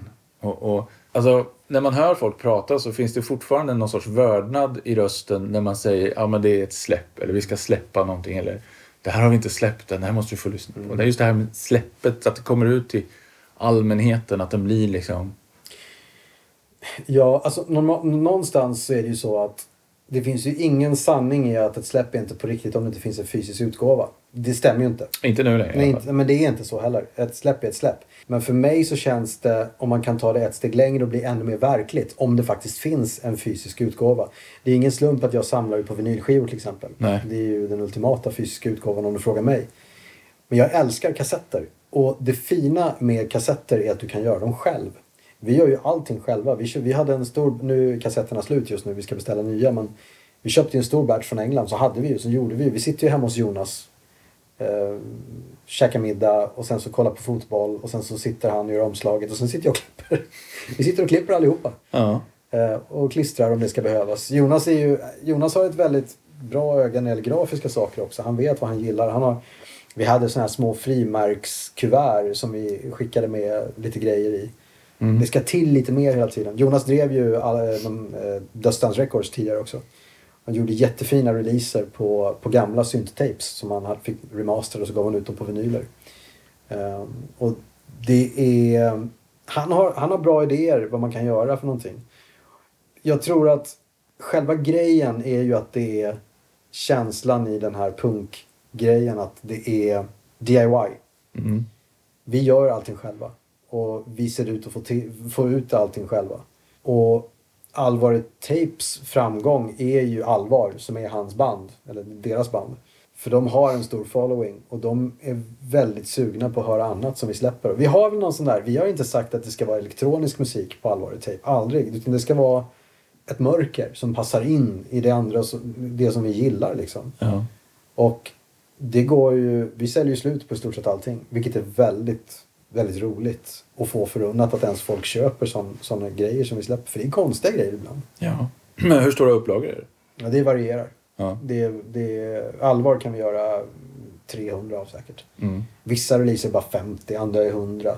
Okej. Men vi kan ju ja, vi kan ju lätt sälja 100 kassetter av vad som helst i alla fall. Ja. Och sen är också grejen att de ska inte bli för dyra. Det ska inte bli för dyrt att köpa det. Vi vill ju gärna hålla det så att alla kan köpa oavsett vart man kommer ifrån. Mm. Och vi går ju, vi går ju sällan plus på saker. Jag skulle, jag skulle gissa att vi går back på allting. Särskilt om ni räknar in arbetstiden. Ja, men om man säger så här. Jag behöver inte köpa fler syntar. Jag, ser hellre, jag satsar hellre pengar på det här för att kunna sprida andras musik. Ja. För, för det ska man inte glömma heller. Vi är ju så lyckligt lottade att vi har så många kompisar som gör fantastisk musik och de vill ge ut hos oss. Ja. Det kan man ju liksom inte sätta ett pris på. Det är ju fantastiskt bara och vi är så tacksamma att folk ens vill göra det. Det är ju jätteroligt. Ja, men jag fascineras också av den här... Jag menar att, att driva ett litet skivbolag och ge ut saker och liksom... Ja, men ta hand om någonting som någon har skapat. Försöka liksom förpacka det så fint som möjligt och så släppa ut det i världen och se vad som händer med det. det. Jag tänker någonstans också att jag, jag vill att alla ska höra fantastisk musik som jag uppskattar. Och jag tänker att jag vet inte bättre än någon annan. Det ska jag också vara väldigt tydlig med. Jag vet vad jag tycker om och jag vet vad jag inte gillar. Men jag vet inte bättre än någon annan. Nej. Däremot så har jag, en, jag har fått en röst som gör att jag kan förmedla det jag tycker om och det jag inte tycker om. Och då är vi tillbaka där med mitt mission i Blå Måndag. Det är att om jag kan få någon att höra en ny låt som de faktiskt tar till sig och gillar. Då är jag nöjd. Jag är jätteglad för det. Och det är samma sak med Allvar i tejp. Jag menar, en, en av mina favoritartister är ju eh, Li Möder till exempel. Hon gör ju otroligt vacker och skrämmande musik på samma gång. Och jobba med henne är ju fantastiskt att, få- att få göra det. Att hon vill ju ut hos oss. Ja. Det är så coolt bara. Och sen vill man ju kanske, jag vill göra musik med henne också. Vi har inte haft tid till det än. Mm. Men eh, vem vet? Man ska ju lära sig att spela med så många som möjligt. Nu kommer raggarna va? ja, precis. Det är ju det som förut hette Power Meet här i Västerås, men nu heter det Summer Meet. Så att vi har ju lite amerikanska bilar åker förbi. Ja, jag körde om ganska många på vägen hit. Det var många kromade armbågar på vägen hit. ja, det Jag brukar det. ju tycker det är härligt. Jag tycker det är charmigt Ja. och jag har ju visst intresse av amerikanska bilar själv så för mig är det ju kul. Eh, Men den där, och, det där var nog en med lite större stereo än motor. Ja, förmodligen. Det lät så. Det är kul. Och sen så en del eh, EPA-bilar åker förbi här och spelar ordentligt också. Det tycker jag är lite kul. Aldrig haft en sån fet stereo i en bil jag har haft. Nej, nej, och jag kan väl tycka att det är lite slöseri för jag är väl lite mera ljudfinsmakare än så men, men bas som skakar om njurarna är väl aldrig fel. Nej men jag tänker att det där var, det var första gången jag var i en studio så Tobbe då som eh, spelade in Metallhundarna. För det var första gången vi var i en riktig inspelningsstudio. Mm. Vi förstod aldrig varför han tog med sig kassetten ut och lyssnade i bilen. Nej. Men det var bara för att höra hur det lät där. Ja. Så man ska inte förakta att lyssna på musik i bilen. Jag lyssnar ju alltid på radio när jag kör bil. Ja. Till allas förtret som åker med mig. För jag hoppar gärna bland stationerna för jag vill höra, det är ju mitt yrke liksom. Mm, ja. jag, är, jag är skadad. Ja. Jag är riktigt skadad i huvudet när det gäller sånt där. Jag vill ju höra hur andra stationer har lagt upp sina jinglar. Jag vill höra hur de låter mellan låtarna. Jag vill höra liksom hela den här processen. Så gör att jag hoppar ganska mycket när jag kör bil. Mm. Och då är det inte så viktigt hur mycket och hur bra det låter. Jag vill bara höra att det låter. Ja. Jag tror att det är det. Ja, jag förstår. Nej, men alltså, om, om man jobbar med musik, om, antingen om man spelar in eller om man mixar eller mastrar eller vad man än gör så måste man ju provlyssna det så som lyssnaren kommer att lyssna. I någon motsvarande miljö på ett motsvarande sätt. Så att man inte helt och hållet rattar bort sig. Eh, men sen tycker jag att det är lite synd om man, om man gör så att musiken låter absolut bäst i en telefon som ligger på bordet och spelar på högtalaren där. Och inte i en fin stereo. Nej, det, jag håller med. För upplevelsen är ju mycket, mycket större när man lyssnar på hela rumsakustiken. Ja, Eh, kontra att lyssna bara genom telefonen. Då är det bättre att man lyssnar i lurar. I sådana fall. Men eh, det här är väl ytterligare ett sånt där ställe där jag får sälla mig till, till gubbskaran och inse att jag har fel. För, för den breda massan som är konsumenter är väl de som egentligen har rätt och då ska man väl göra så som de vill ha det. Så är det absolut. Jag menar, det är ju... Folk gör så. Alltså folk lyssnar ju för dem. Men de kanske inte är på samma nivå som på nördighet som du och jag är. Nej, Eh, och uppskattar att lyssna. För det blir, ju, det blir ju inte jättebra när man spelar upp ljud i en telefon på det viset. Nej. Eller jag tycker inte att det blir. Men för vissa är det ju tillräckligt. ja. Och det köper jag helt och hållet. Och det ska man, ja. Ja, men det, det går ju förbi kids och håller telefonen så här och spelar någon låt. Ja. Liksom. Jag föredrar ju att lyssna i lurar i sådana fall. Ja, och då, då tycker jag att man är lite hänsynsfull mot sin omgivning också. Ja, jag tror inte att folk... Jag menar, man åker till jobbet och lyssnar på någon uh, industri eller något sånt där. Kanske inte alla i tunnelbanan ska höra. Nej, nej. Det kanske är schysst att eh, inte spela upp det. Ja, men det finns väldigt mycket mörk musik i olika sorters genrer. Men ja, synten är väl, vad ska vi säga, ja, till 70-75 procent är det mörker i syntmusik. Jag tycker det på många sätt hör till. Eh, även om jag kan gilla syntpop också. Men varifrån tror du mörkret kommer just i vår genre så att säga? Och varför är det så starkt representerat? Jag tror att...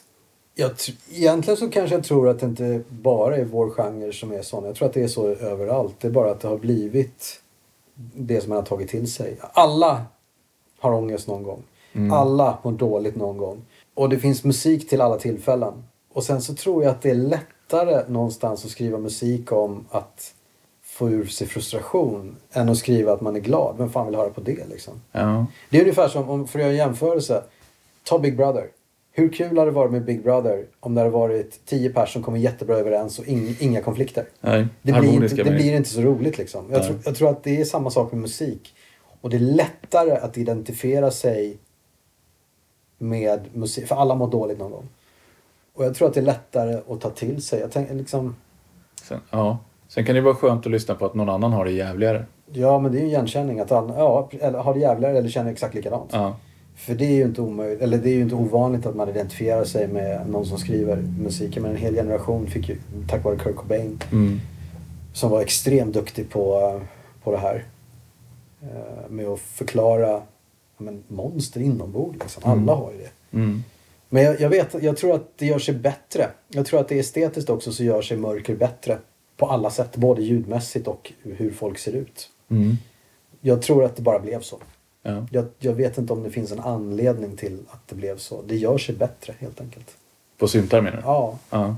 ja. Eller punk för den delen. Eller. Eller metal för den delen. Hur, hur mycket happy metal har du någonsin hört? ja, inga mängder kanske. Nej. Däremot så finns det ju trallpunk och den kan ju vara ganska positiv. Eller, eller låta positivt. Ja. I alla fall, fast även om det inte är det. Men den låter ju gladare.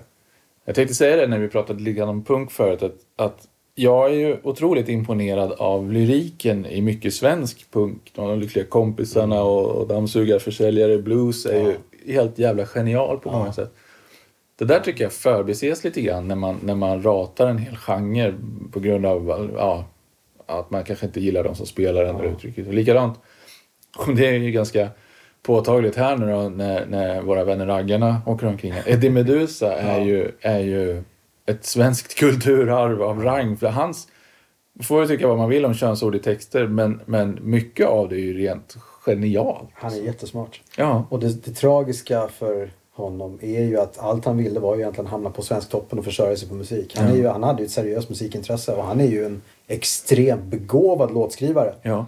Han försökte väl som Errol Nordstedt och släppa lite grejer tror jag. Men det var ju tyvärr den här ja, men könsrocken som, mm. som, som det som folk köpte. Mm. Och det var därför han ägnade sig åt för han behövde en inkomst. Liksom. Ja. Det finns en jättebra dokumentär som honom som heter, vad heter den? Mannen från vidderna, vad heter den? Ja, precis. Eh, jag tror man kan se den på Youtube. Ja. Den är, det är en sorg, otroligt sorglig historia. Ja. Det finns ju en dokumentär också om det här griståget som han åkte på med Svullo. Aha. Eh, som också är otroligt sorglig egentligen. Ja, Svullo är också ett tragiskt människa. Ja, eh, verkligen. Och jag, jag tror jag såg ett klipp ur den där mannen från vidderna, eller någon sorts intervju med, med Eddie Meduza när han, när han pratade lite om den där ensamheten han ja. upplevde och den här känslan av att liksom meningslöshet mm. och vad, vad tjänar det till alltihopa. Mm.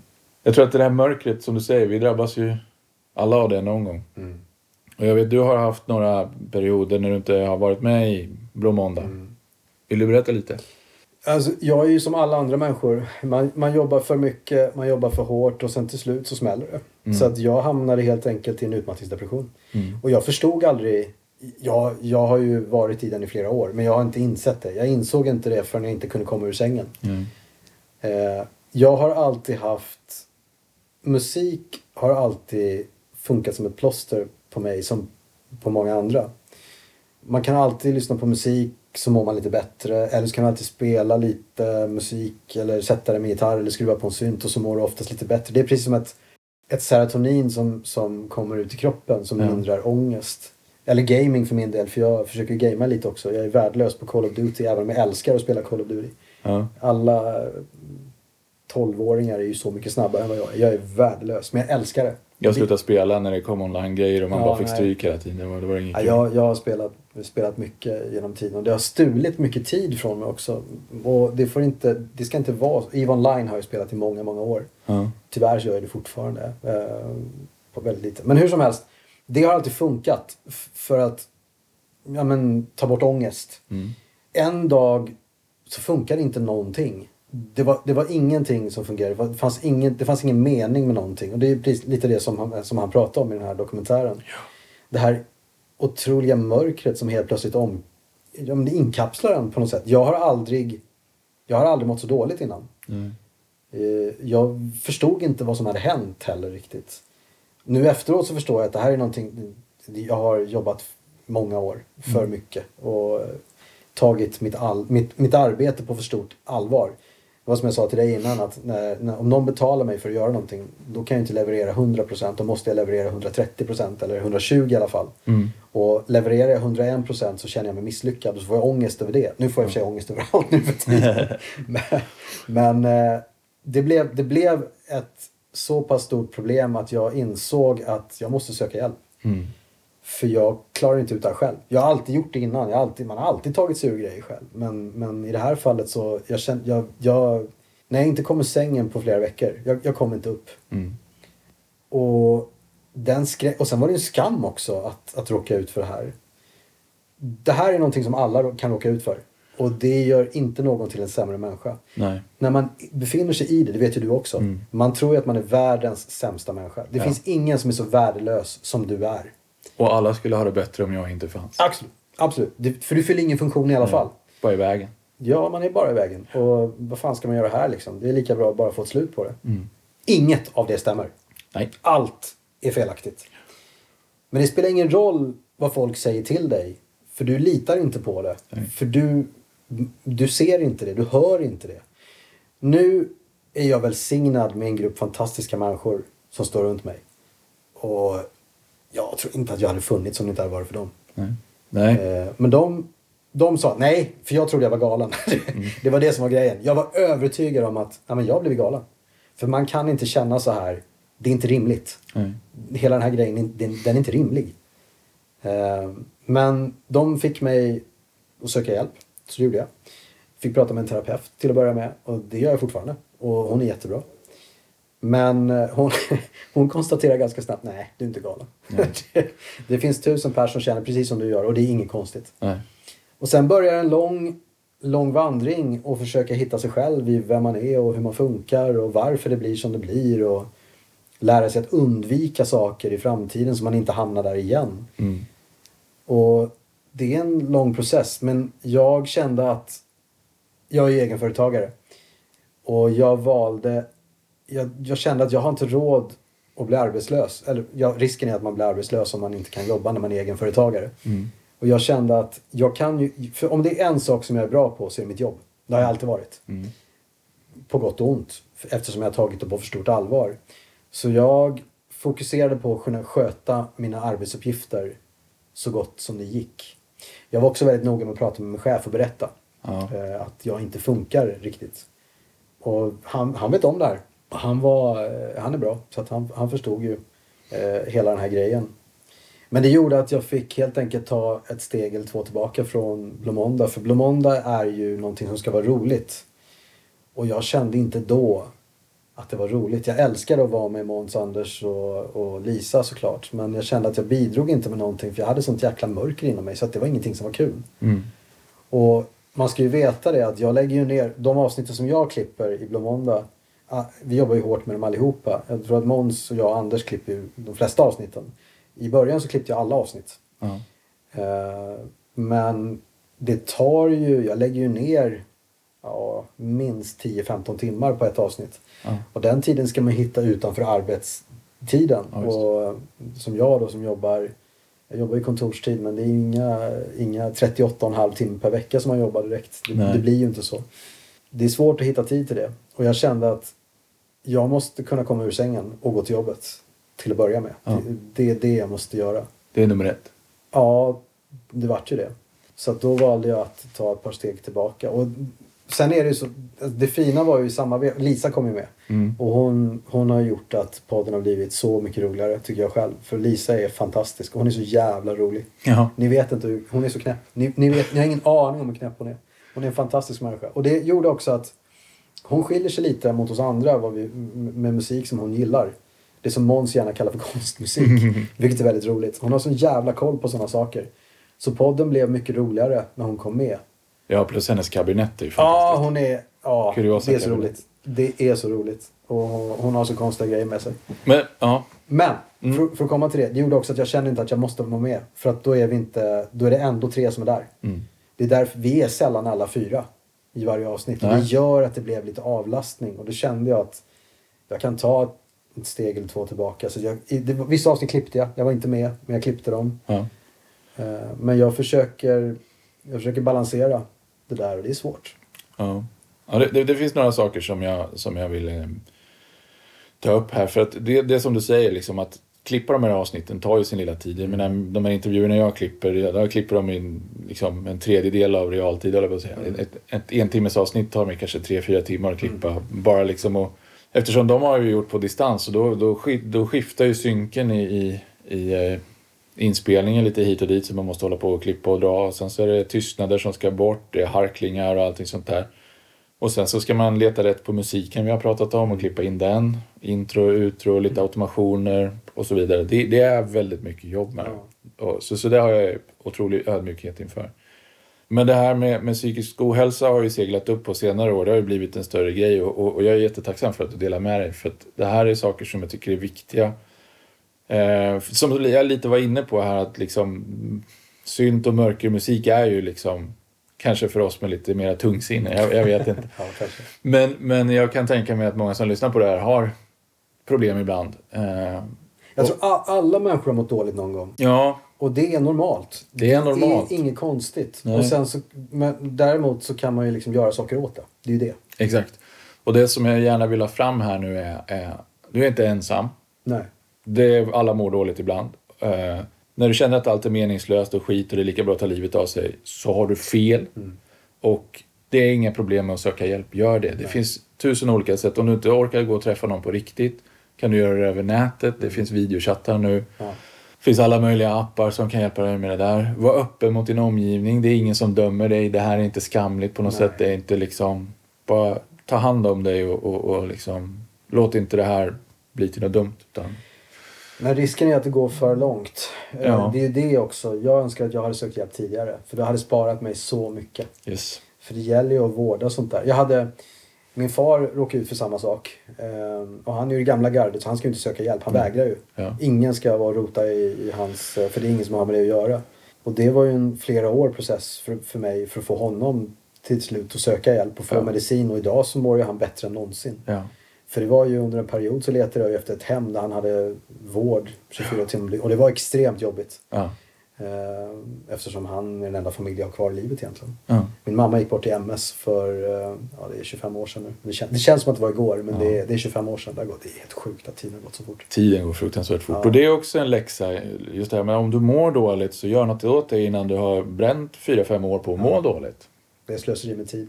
Ja. Men man ska komma till insikten. Det är det som är problemet. Man inser kanske inte alltid hur illa ställt det är. Nej. Eh, Men om du börjar känna, framförallt om du, inte- om du börjar att inte känna igen dig själv. Mm. Det är bättre att försöka, alltså det finns jättebrister inom psykiatrin också. Det finns Ja. otroliga brister. Men chansen, inte risken, chansen att du mår lite bättre om du får någon hjälp är större.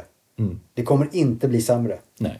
Nej. Eh, och sen så måste man ju naturligtvis ha klart för sig att det är lite som att gå till gymmet. Du, du, du kommer inte få någon universallösning som, Mm. Nej. som flippar dig på en kvart. Du måste, ju, du måste ju själv stoppa in lite arbete och, och göra jobbet. Va? Men, men eh, om, du, om du inte går dit så kommer du ju aldrig bli bättre. Nej. Det blir ju inte det av sig själv. Liksom. I alla fall inte om det har gått tillräckligt långt. Nej, jag har en plan på att jag ska bli 85 i alla fall. Ja. Och den höll ju på att gå åt helvete då. Så jag tänkte att jag måste ju... Jag, jag, som, jag är som Blackadder. Jag vill bli gammal och så vill jag låtsas att jag är döv och säga va till folk hela tiden. Det är min plan liksom. Ja. Ja, ja, risken är väl att man blir döv höll jag på att säga. Blir... Jag känner ju också när jag sitter och pysslar med musik hur man tappar högre frekvenser. Ja. Vi hade i ett av de senaste avsnitten så hade vi en, eh, en kille som hade skickat in musik. Och han har ju ett bäst före-datum för det kommer finnas en tid när han inte kan göra musik längre. Ja, just det. Och den tanken var skrämmande för mig för jag har aldrig någonsin tänkt det kan Mm. bli så. Man, man kommer till ett uppvaknande då eftersom musik är allting jag tänker på 24 timmar om dygnet. Jag menar det är det första jag gör på morgonen. Jag har en ritual hemma. Eh, och den, den började jag med en, för ett par år sedan. Jag spelar alltid en vinylskiva varje morgon. Ja. Eh, det är bara för att samtidigt som jag dricker mitt morgonkaffe. Det är mitt sätt att komma igång. ja. Och det, det har blivit en del av en meditation för mig att göra det här. Och så är det inte det så kanske jag spelar lite gitarr på morgonen. ja. Eller kanske sitter med, medan jag slurkar i med kaffet kanske jag sitter lite med mitt Eurorack eller någonting. Jag gör alltid någonting sånt varje morgon. Och tanken på att man inte kan göra det här, vad fan skulle man göra då? ja. Jag får panik när jag tänker den tanken. ja. Eh, väljer du ut skivan kvällen innan eller står du och funderar på morgonen? Nej, jag står och funderar. Ja. Och så lägger du bort telefonen och så kör du? Ja, förutom när jag tagit ett foto då, för det gör jag ju varje dag. Just det. Eh, och det är ju sån här... Jag tror att mitt Instagramflöde är förmodligen det mest ointressanta man någonsin kan hitta på nätet. För det är ett svartvitt foto som är ganska kackigt eftersom jag ser så jävla dåligt också. Och så ser det en skiva som många aldrig har hört. Eller så är det någonting som alla har hört. Mm. Men jag vet inte varför jag gör det heller. Jag, gör, och jag, får, eh, fan, jag bryr mig inte om likes heller. Egentligen, det är inte därför jag gör det här. Men jag tror att jag blir väldigt glad och jag tror att, artis, att artister blir glada om jag försöker tagga dem och visa att jag, fan, jag har köpt din skiva och jag tycker den är svinbra. Ja. Och jag lyssnar på den. Och jag lyssnar på den. Och det, det, är nog, det, det är samma sak liksom där. Om någon hittar någonting i det flödet som de kanske upptäcker. Mm. Så fan vad kul. Sen kan det ju bli en liten dagbok för dig själv och du scrollar tillbaka om några år och kollar, fan då lyssnar jag på det där. Absolut. Det, det jag är, har ju problemet också att jag har lite för mycket skivor kanske. Mm. Jag ska inte säga att det är ett problem för jag är skivsamlare. Så det, det kommer man aldrig ifrån. Kan ju inte ha för mycket. Nej, man kan nog inte ha det. Och jag, jag, jag har plats för det jag behöver hemma. Mm. Mina instrument och mina skivor. Men, men det du sa med det här att det finns ett bäst före-datum på, på en som artist, att man liksom kanske fysiskt inte klarar av att göra det man vill. Eh, får, får mig att tänka på en annan sak som jag har hört folk prata om ibland. Att man, att man har ett antal idéer, böcker, skivor, vad det nu kan vara, i sig. Och när de har kommit ut så har man inga fler längre. Jag kan inte riktigt bestämma mig för om jag tror på det eller om jag vill se det på det sättet. Har du funderat på det? Jag tror inte på det. För då får man köpa en ny synt så kommer det nya idéer. Så kommer det så nya har man löst det problemet. Ja. Nej, jag tror, jag tror faktiskt inte det. Jag, jag tror att det finns hundra eller tusen anledningar till att folk skriver musik och vad som inspirerar. Det är så olika för alla. Det kan vara liksom, kan vara en tavla man har sett, det kan vara någonting man har varit med om, det kan vara liksom en film du har sett, det kan vara ett möte som du har med en annan människa. Det finns så många saker som kan inspirera. Och med tanke på att livet ser olika ut förhoppningsvis varje dag när du slår upp ögonen Mm. så finns det alltid någonting nytt som kan inspirera. Sen gäller det att få ner det på något sätt också. Ja. Och jag menar, teoretiskt sett så är alla låtar skrivna redan. Alla ackordföljder är redan använda och hej och hå. Mm. Men jag tror ändå att man kan göra... Jag, jag tror inte på det, för jag tror att man kan alltid göra någonting. Om, om du inte kan göra det själv, gör, med gör det med någon annan då. Mm. För jag menar, om de inte är dit du har kommit, där du tror att du inte har fler idéer. Fan, jobba med någon annan då. För då kan ni ju slå era kloka huvuden ihop istället. Ja, ja jag, jag gillar inte den här tanken på att man liksom får, sin, får ur sig sin bästa skiva när man är 22 och sen har man inte mer inombords. Man, då får man väl stoppa i mer inombords då. Som du säger, genom samarbeten eller inspirationer från olika håll. Jag, jag tror att det är... Ja, jag tror, jag tror också att man ska inte glömma det. Man brukar ju tycka ibland att den första skivan är bäst. Men den första skivan bygger på låtar som har en livstid. Mm, Andra skivan bygger på låtar som du har skrivit när du inte har några. Liksom. ja, Och det får ta den tid det tar. Ja. Och det går alltid... Alltså, om det är... Kreativitet är svårt för det är färskvara. ja, Och jag tror att man måste underhålla det också. Genom att prova nya saker. Man ska nog inte köra fast heller i samma... Det, det är därför jag tror att man ska jobba med olika människor. Så man, vissa människor jobbar bättre själva. Och det önskar jag att jag kanske också gjorde ibland. Men samtidigt så ger det mig mer att jobba med andra människor och byta idéer med andra människor. Och Ja. se. Jag kommer ihåg, jag gjorde en eh, remix åt eh, en kille som heter Krycko, Christer.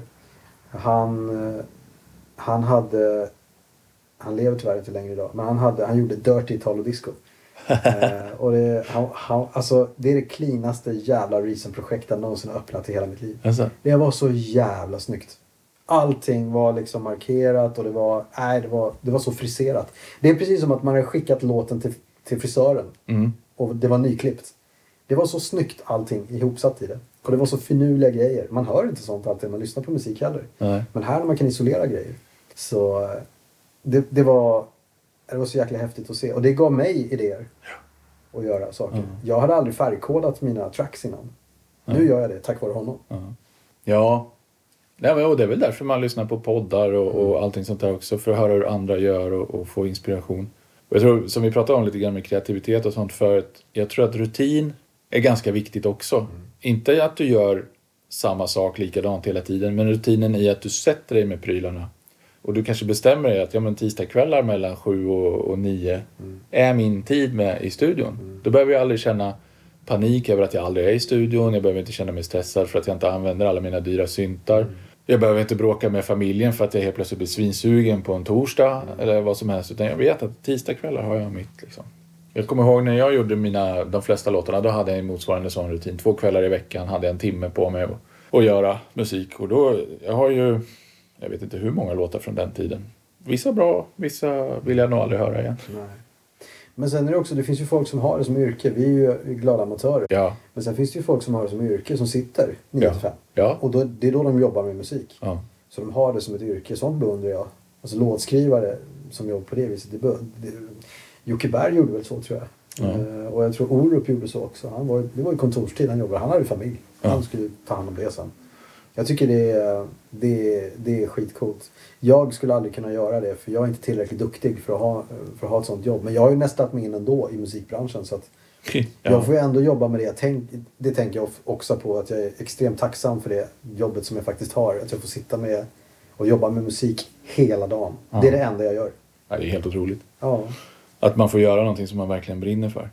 Jag tror också att det är... Jag, jag tror att eftersom musik är allt jag tänker på så tror jag att jag...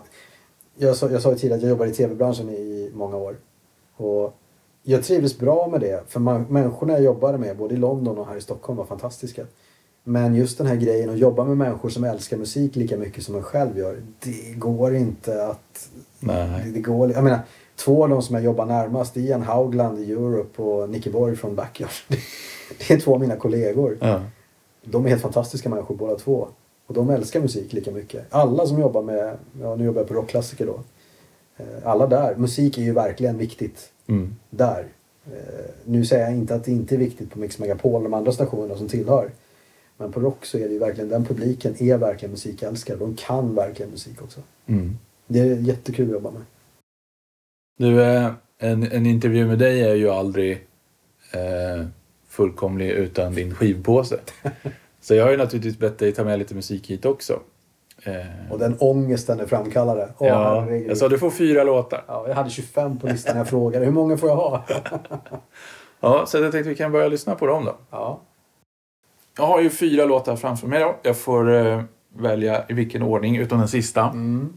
Och eftersom eh, jag råkar veta att vissa i Blå Måndag inte känner till det här bandet så tänker jag att vi börjar med Clinic, Moving Your Hands. Ja. Eh, det som jag bad dig tänka på eh, när, när du skulle välja ut de här låtarna var eh, saker som har påverkat dig och fått dig in i den här musikgenren och, och gjort dig liksom intresserad av det här. Vad är det med Clinic som, som eh, är så stort? Först och främst vill jag säga att det var tusen band jag hade med mig här som jag hade velat prata om eftersom allting när man är 15-16 påverkar en så mycket. Jag menar, nu har jag inte med mig någon Depeche Mode för att de, jag hade inte varit där nere om det inte hade varit för dem.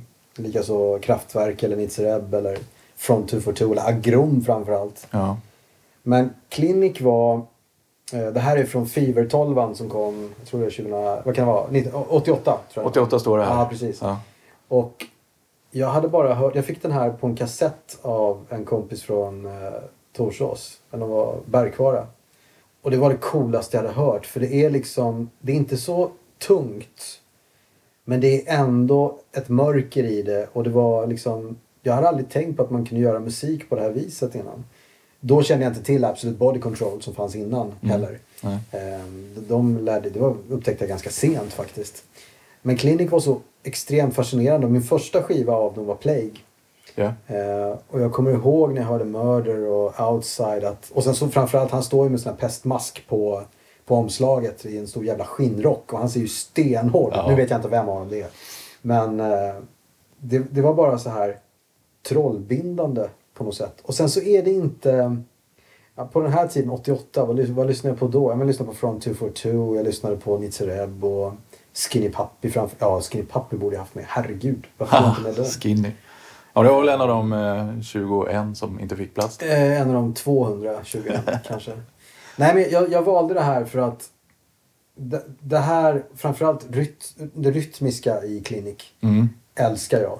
Mm. Och eh, sen tyckte jag de såg så jävla coola ut. Och man visste ingenting. Här var ju innan man hade internet. Nej, precis. Ja, jag precis. visste ingenting om det. Vem, vad är det här för jävla snubbe som lirar in sitt huvud i bandage liksom? Ja. Vad är det här? Ja. Varför? Vad? Det var, det var mystiskt. Yes. Och jag tror att eh, det, på, det påverkade jättemycket. Ja.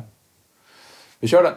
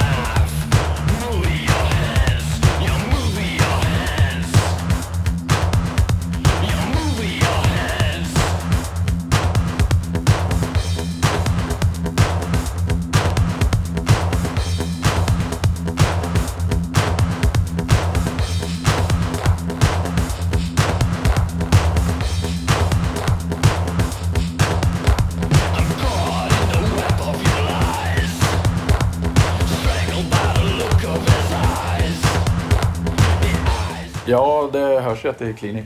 Det får man ju lugnt säga. Alltså, jag tycker, jag tycker att det finns mycket element i det här som jag tycker jättemycket om.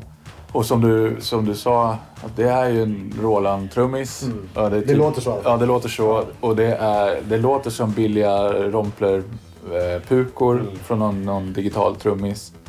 Och jag, jag lyssnade inte jättemycket på Clinic då. Jag lyssnade ganska mycket på Skinny. Och de har ju också en sån här... De använder ju ett antal maskiner på ett sätt som man liksom aldrig har hört dem användas på. Eh, därför att de hamnade i en annan genre efteråt. Ja. Som till exempel... Smothered Hope på 909. Ja, Exakt. Ja. Skinny är jättemycket 909 Ja. som man bara har hört i dansmusik efteråt. Och, så, och sen så lyssnar man tillbaka på de där gamla plattorna. För då visste man ju inte att det var 909. Då fattade man ju ingenting. Sen har man hört 909 i, i, i tusentals låtar och så går man tillbaka till dem och så bara, fan det här är ju 909. Och, och jag upplever lite grann samma sak här. De, de tog vad de hade, en cool maskin liksom, och så gjorde de sina grejer på det. Och, och ett ljud som låter väldigt genrespecifikt och daterat idag, när man hittar i de här grejerna, sticker ut på ett roligt sätt tycker jag. Jag gillar det. Och jag gillar den här känslan av, äh, det är klart vi kan göra det här. Och, så, och så bara gör man. Klinik är också ett bevis på att det spelar ingen roll vad du har för prylar. Nej. Det, det finns många andra bevis på det. Men jag tycker det här eh, det är ett bra exempel Ja. på det. För att det är ingen fet jävla stenhård trummaskin det här inte. Det är, men det blir hårt tillsammans. Eller jag tycker det i alla fall. ja, men jag menar elgitarrer när de kom var väl aldrig tänkta att spela metal på. Nej. Men så, så var det ju artisterna som hittade det uttrycket och tog fram det. Och, sådär. Så, och, och det är väl liksom ett mått på stort artisteri. Att ta ett verktyg och göra någonting som skaparen av verktyget aldrig hade kunnat tänka. Nej. Sen blir det ju ganska märkligt när man står i hissen på hotellet i eh, Alvesta så åker man hiss med Dirk Evans. Nej, det gör man inte så ofta. Nej, han är så jävla trevlig. Är det så? Ja, Jonas och Johanna är ju väldigt, och Fredrik och Jimmy, de är ju goda vänner. De har ju spelat mycket med, med dem live och så. Ja. De ju till och med på scen samtidigt. Ja. Eh, Så jag har lärt känna honom. Jag ska inte säga att jag känner honom, men jag har pratat med honom i alla fall ett par gånger och han är supertrevlig. Fan vad nice. Ja, det är roligt när hans gamla idoler som man egentligen inte vågar prata med visar sig vara Ja. hedersknyfflar. Ja. Det är fantastiskt. Det gör att musiken nästan blir ännu bättre. Det tycker jag. För att, för att ehm, man har hört alldeles för mycket stories om, om divor och, och dryga människor som är fulla av sig själva och konsten är allt och du är ingenting och jag är minsann artist. Och sen så pratar man med, med sådana och så visar det sig att eh, de är hur sköna som helst. Jag tror, inte, jag tror Jonas sa det att Dirk dricker inte ens alkohol innan, innan setet. Han, han är proffs. Han jobbar liksom. Ja visst, han är där för att leverera. Liksom. Jajamän. Ja. Ja, jag tycker om det. Sen så får man väl någonstans förstå att den här genren och, och, och världen är så pass liten så att man har inte råd att bränna några skepp egentligen. Nej, men alltså det är ganska enkelt. Min mamma hade ett väldigt bra säg till det där. Hon, det, hon har rätt i det. Och det, det är mitt hederskodex också. Du behöver inte gilla alla människor. Du behöver inte komma överens med alla människor heller. Men var inte en röv. Nej. Sa hon alltid. Och det stämmer. Alltså, om du bara är...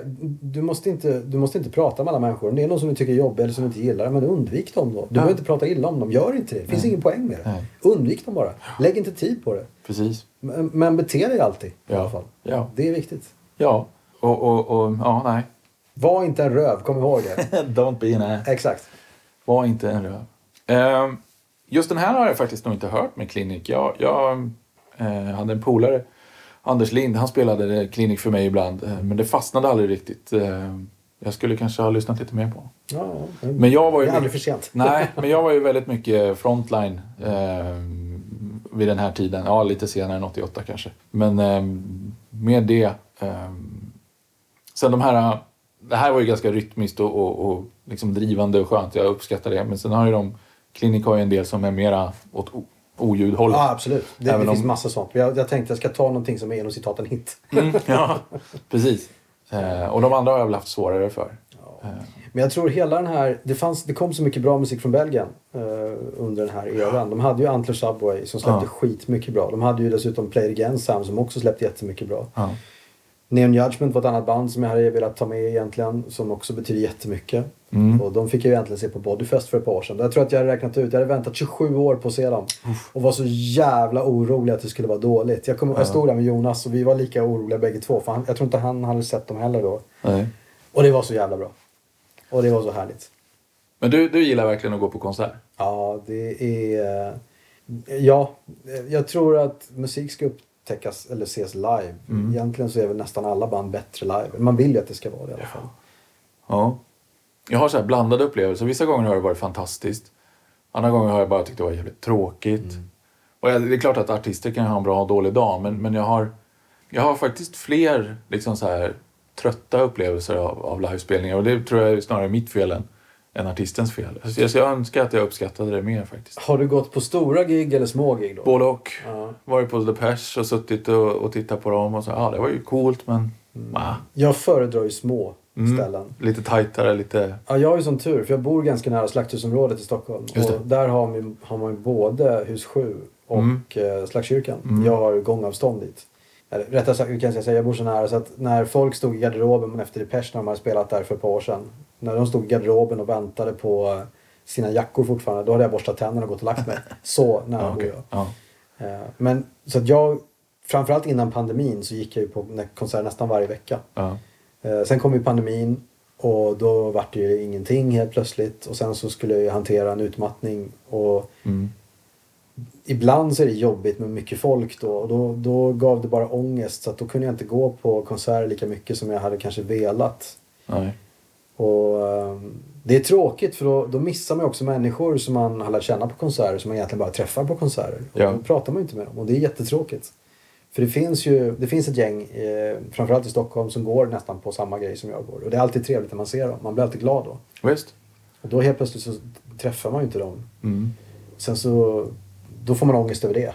Eller du vet hur det är. Ja. Hjärnan sätter igång. Ja. Det är helt fel med en gång. Ja. Men för att svara på din fråga, jag älskar att gå på konserter. Yes. Jag önskar att jag också gjorde det. Jag vet inte om du känner till det bandet, men det, det finns ett svenskt band som heter Torsson. Ja, oh ja. Ja, jag älskar Torsson. Och jag var på en konsert med dem. För jag, ett problem som jag har upplevt med vissa band är att de kör sina låtar och vissa syntband har ju låtar som är 8-9 minuter och så kör de hela jävla låten och så har man ju bara det var jätteroligt att höra den fast det räckte med tre minuter. Mm. Torsson, de gjorde ju så att de tog ju bort fyra verser Ja. ur låtarna så det var två verser, lite refräng. Så att de fick komma igenom lite fler. Ja. Jag tror de körde, jag tror jag tog en bild på det, deras eh, eh, setlist. Och ja, 20 låtar kanske. Ja. På en timme. Det är roligt. Det är skitbra. om när jag såg Ramones på Hultsfred 93. Ja, Det var också en sån här magnifik upplevelse. De spelar ju snabbare istället. ja okej. Det är ju deras sätt att, Ja. att göra inte? samma grej. Jag älskar Torsson. Ja. lyris, lyrik på hög nivå. Och det är det. Och, och, och det är liksom så här eh, vardagsbeskrivningar. Jag har försökt få andra att bli, bli lika sålda som jag, men det är svårt. Jag kunde haft med Klippan Centrum egentligen. Ja. Den var också sån här, vad fan är det som händer? Ja. Det var min första tanke. Vad är det som händer? Max och Nisse tycker jag är fantastiska. Ja. Katter och en har ett skevt ben. Och, Ja. ja, Om man inte lyssnar på Torsson, gör det. Ja. Det är, ja. Om ni tar med er något från idag, ni som lyssnar, leta upp Torsson. Skit i all musik som jag har haft med mig. Lyssna Ja. på Torsson istället. Lyssna på Torsson. Ja. Ska vi ta nästa då? kan vi göra. Eh, det får bli Agrum. Ja, jag tog med dem ändå. Mm, New Okej. Fashion. Just det. Eh, Agrom är ju... Det var ett band som jag läste om i hifi musik eh, för många år sedan. Var, jag läste om Agrom, Skinny Puppy och eh, From 242. Det resulterade i att jag beställde... Eh, det måste ha varit Quite Unusual 12... Nej, 2 in 1 var det. Den här med Human på med From 242. Mm. Eh, jag beställde, vad sjutton är den heter nu, den här eh, sk- skin innan. Var det Bites jag köpte? Kan det ha varit det? Ja, jag tror det var Bites. Och så köpte jag en tolva med Agrum som heter Underground. Ja. Och det är den här som har massa missfoster på baksidan. Jag tyckte den var jätteläskig och så undrade vad fan är det här? Jag hade alltså inte hört bandet då. Nej. jag visste inte vad det var för någonting. Men sen när jag drog på den här första eh, Agrumplattan så eh, det var en låt som heter In the Garden och det var liksom bara det var så konstigt. Det var sån här samplad slappbas. och det var ja, det lät det var, jag tyckte fast det var samtidigt skitcoolt. Och sen var det en cover på Another Brick in the Wall på baksidan. Och jag var helt så här vad fan är det här? Mm. Vad är detta? Det här är det coolaste jag någonsin har hört. Sen åkte jag till eh, Borås. Till Knalleland tror jag det heter. Men jag har, jag har släkt eh, i Borås.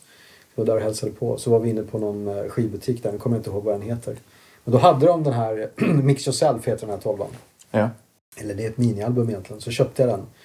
Och på ena sidan så är det en jättelång version på nio minuter av eh, Jesus jumps across the water. This is a new fashion. Ja, det står det här Ja, inom parentes. Exakt. Eh, och den är... Ja, men vi kan väl lyssna på det istället Ja. så kommer du förstå varför jag blev helt knockad av det här. För Agrum har jag ju lyssnat lite på, men inte så mycket frivilligt.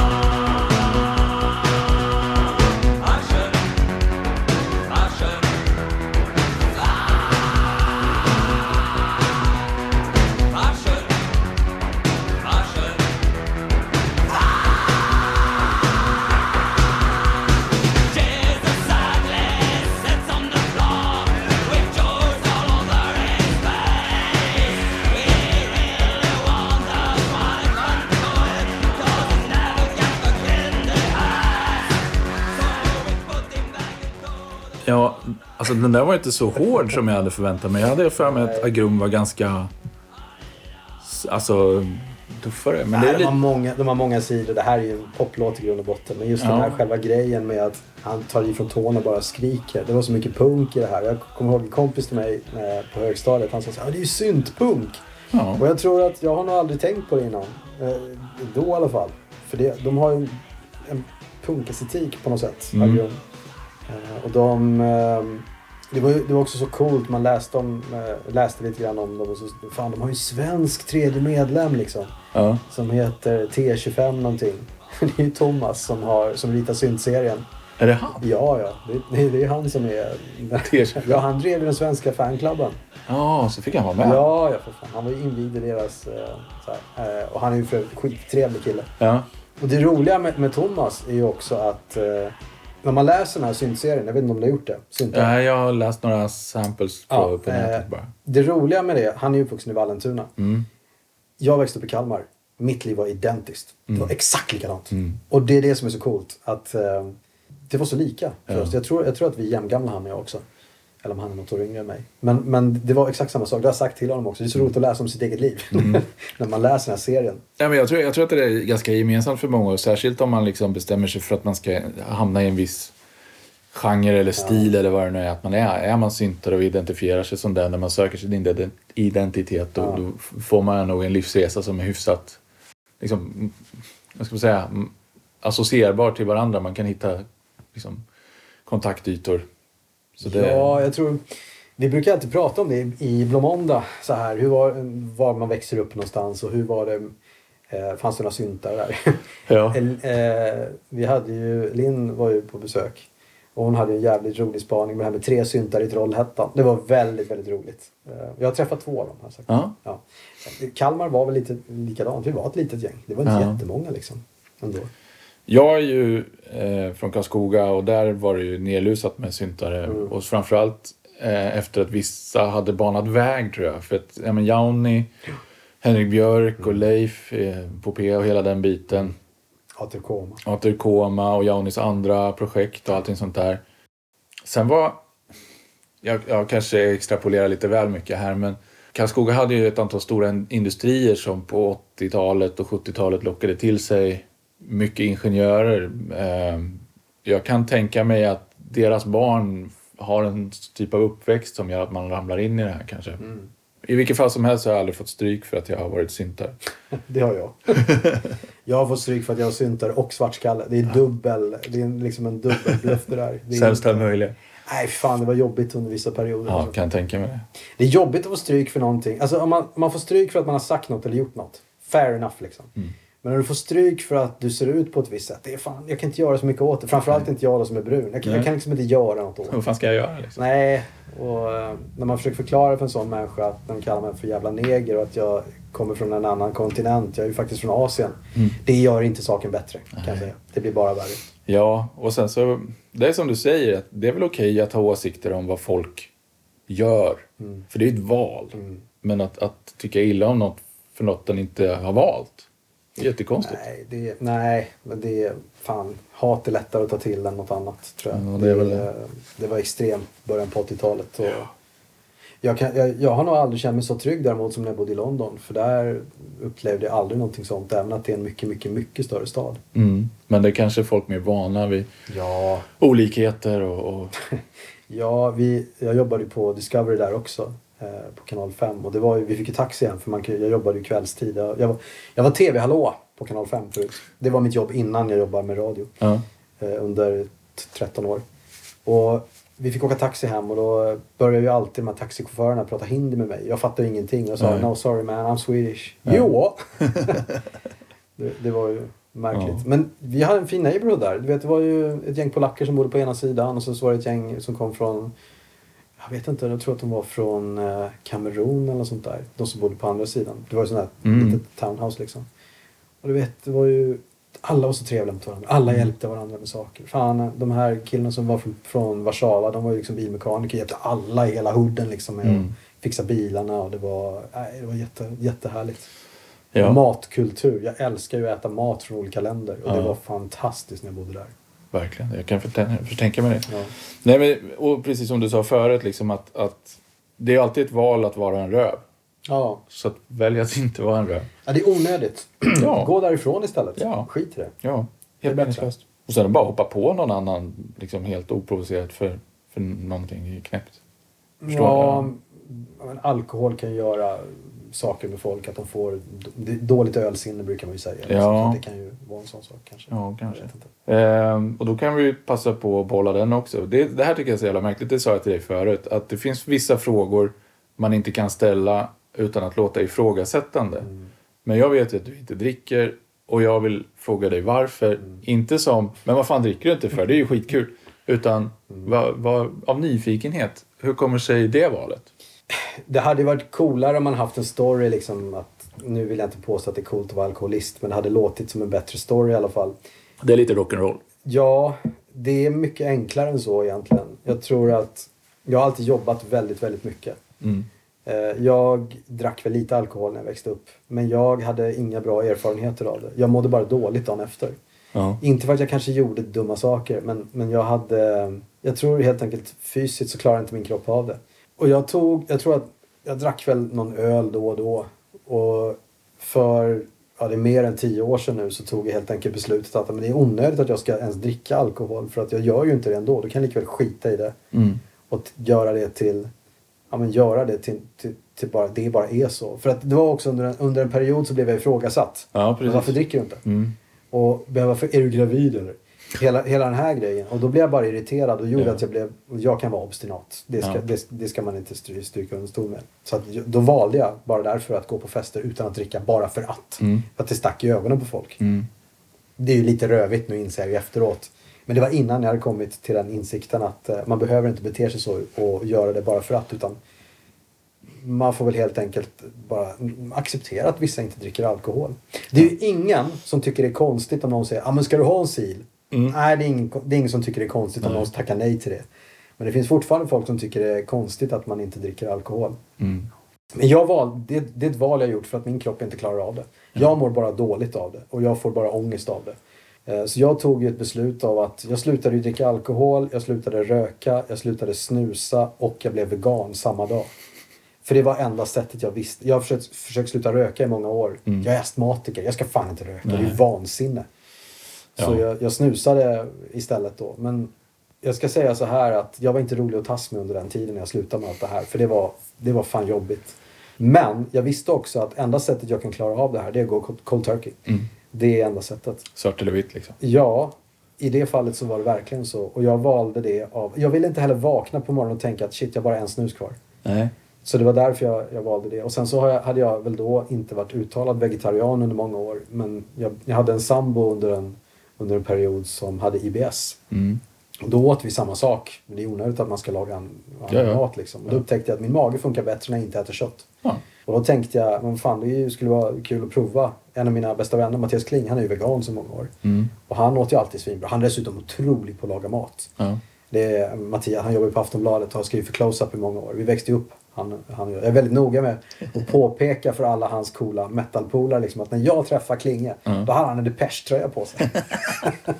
Sitter och hårdrockar igen. Jajamän. Han fick faktiskt ett gäng gamla synt... Han fyllde år nu för, i maj. Han fyllde exakt en vecka efter mig. Mm. Då fick han ett gäng gamla syntplattor av mig. Han fick lite Cassandra Complex. Oh. Eh, ja, lite sånt där. Jag brukar alltid ge honom något. Han, jag tror han fick den här Agrom 12 förra året. Eller förra Ja. året. Men det blev en grej helt enkelt. Ja. Eh, jag är eh, fortfarande, jag dricker inte alkohol, jag snusar inte, jag röker inte. Jag äter gärna veganskt men jag är inte vegan. Nej. Jag, eh, finns det ett veganskt alternativ så tar jag gärna det. Men jag kallar mig för vegetarian. Mm. Mm. Jag, jag har all respekt för alla människors olika livsval och jag, jag, tyck, jag tycker om när de har respekt för mina livsval. För jag tycker att ja, men det är en bit av att inte vara en röv. Så det, det, jag tycker illa om att tala om för folk och jag tycker de borde leva och vill inte bli omtalad för mig själv heller. Nej, det blir inte bättre. Det kan, det kan väl bli så liksom att eh, det blir ju inte bättre av att man talar om för någon att någon gör fel bara för att de gör någonting. Det ska man, man ska inte göra det. Bjud dem på middag istället. Ja. Så, här, så här käkar jag. Visa ett alternativ. Ja, det finns massa alternativ. Jag tror att uh, gillar man mat. Det var ju så jag hamnade på en etiopisk restaurang för första gången. Jag har en kompis som är från Etiopien. Mm. Hon tog med mig på eh, ett ställe i Stockholm som heter Ethiostar. Mm. Och om jag bara får äta en enda sak resten av mitt liv, då blir det deras vatt. Ja. Det är alltså en linsgryta. Ja. Jag kan äta det varje dag resten av mitt liv. Det är det bästa som finns. Fan vad coolt. Nej, och sen just när det kommer till alkohol och droger så är ju Sverige ett ganska märkligt land. För vi, vi, vi hatar ju narkotika av alla slag. Men vi super oss fulla som svin varenda helg. Det är liksom spritkultur. Varenda högtid ska firas med sprit och så vidare. Och så, ja, det är ju gött att, att, att ta en öl och, och slappna av och vad det nu kan vara man känner. Får jag fråga dig då? För jag, jag älskar ju alkoholfri öl. Mm. Funkar det för dig? Nej. Skulle du kunna dricka det? Det, tycker, det funkar inte alls eller? Alltså det har kommit en våg alkoholfri öl nu. Det har ju blivit mycket större. Eh, men alltså jag... För jag vet att en kompis till mig som jobbar med livsmedel, David, Mm. han säger alltid så här. Ja men IPOR är svårt för alkoholen är en del av smaken. Så du kan inte göra det på ett bra sätt. Nej, och jag tycker inte vanlig lager funkar jättebra heller. Är det för blaskigt, Eh, va? Det blir lite för blaskigt och så försöker man... Alltså alkohol är ju en smakbärare Ja. Mm. och den har en viss sötma i smaken. Men sen finns det ju ett visst sting i, i liksom, lite bett i det, i de starkare sakerna och sådär. Det är väldigt, väldigt svårt att trolla fram. Mm. Då dricker jag hellre vatten bara, eller bubbelvatten. Jag förstod aldrig det här med att sitta på en uteservering när det är soligt och dricka bärs. Förrän jag började dricka alkoholfri öl. Då Mm. förstår jag. För det är ju en, en, en otroligt bra på att släcka törsten. Ja, och sen, är det, sen tycker jag det är så jävla konstigt för alltså, det är ju otroligt socialt Mm. att sitta och droga ner sig med alkohol. och, det är liksom, om man nu tycker om andra droger så, så är ju de ganska svåra att göra på ett socialt sätt. Jag Ja. menar, sitta och ta ett piller och sen sitta och titta på varandra och må bra. Liksom, Det blir Nej, jag inte samma det, grej. jag, jag vet ingenting om det. Jag är, Nej men jag tänker, jag tänker att ritualen blir Ja, väldigt eh, skild. På tal om det, så jag menar jag tyckte att det, det blir lite roligare att gå på fest om man har, om man har med sig en tre, fyra alkoholfria öl. För det känns ändå som att man är lite mer delaktig i festen då istället. För att förut så tog jag med mig mineralvatten. Mm. Det är inte så jävla roligt. Nej, Det blir faktiskt en annan sak när man har med sig eh, någonting sånt. Sen gillar jag ju eh, smak. Alltså, jag tyckte om whisky, jag tyckte om konjak. Mm. Men jag mådde så dåligt av... Jag, det räckte alltså att Om jag tog en tvåa Mm. så kände jag av det dagen efter. Det är, inte, det är inte meningen att jag ska dricka alkohol. Då är det inte värt. Nej, det är inte det. Oavsett smaken liksom. Men det, ehm, det var ju Holland på, på transfestival här över midsommar. Och ehm, deras partykultur är ju så annorlunda från svensk. Alltså om du ska gå ut på eh, eh, något dansevenemang i Sverige, då öppnar de klockan 10 och du förväntas vara där ja, tidigast 11 liksom. Då har jag gått och lagt mig ofta. Ja, eller hur? Och då slutar de vid 4-5 på morgonen och, och man är ju helt förstörd. igen. Ja, och man är helt förstörd en vecka efter det där. I Holland så börjar de klockan 12 på dagen Mm. och slutar klockan 11 på kvällen. Och så, så kanske man tar några öl och äh, käkar middag på vägen till festivalen och, kanske går in där vid fyra så dricker man den sista vid fyra. Mm. Så dricker man ju vatten och dansar och sen så när klockan blir 11 då är man ju hyfsat fräsch och nästa dag känner man ingenting. Nej, Så det, den, jag gillar ju det. Mm. Jag tycker det liksom är, det låter mycket bättre. det känns sundare. Men jag tror, jag tror också att jag har blivit... Jag vet inte om det beror på eh, sättet som min hjärna funkar just nu. Men jag tror att jag går ju hem när jag tycker det är för jobbigt. När det är för mycket folk. Eller när folk blir för fulla. Jag har inget problem med folk som dricker alkohol. Absolut inte. Och då kan jag gå hem när jag tycker att när, när det blir för mycket bara. Ja. Och det har jag, jag har inga problem med det. Nej, men jag har ju märkt också att är man nykter bland fulla så blir man ju väldigt uppmärksam på skillnaderna i Ja, och beteende. jag tror att det är jobbigare för dem. För de vet att du kommer ihåg allting. Nu, nu har jag inga sådana i min omkrets som dricker på det viset. Nej. Eh, Jag tror inte jag skulle orka det, ärligt talat. Men jag tror att det kan bli jobbigt för sådana människor om de inte känner mig så väl och tror att jag registrerar allting som de gör eller säger. Det gör jag inte. Nej. Inte på det viset. Sen är det också så att jag har så jävla dåligt minne så jag kommer inte ihåg någonting ändå. Och det är inte för att jag inte har druckit alkohol. Nej. Nej. Inte för att jag inte har druckit alkohol utan det är för att jag bara har dåligt minne. Ja, inte när det kommer till olika grupper och band och skivbolag. Men vad heter det? Jag, jag jobbade extra på, eh, på en krog. Mm. Eh, och då är man ju nykter när man står och serverar folk. Förhoppningsvis. Ja, och då blir det ju väldigt, väldigt uppenbart. Eh, Och det kan vara så lite som en öl. Påverkar ju folk på ett sätt som man bara, men du gubben, vänta lite. Tänk alltid på det här klippet när det kommer fram en tjej till en DJ och vill beställa två sambuca. eller Ja, just jag det. tänker alltid på det där. Det är underbart. Det där har vi ju sett många gånger. Jaha. Jaha, nästa låt då. Då är vi på The Jesus and Mary Chain. Just. You Trip Me Up från 1985 va?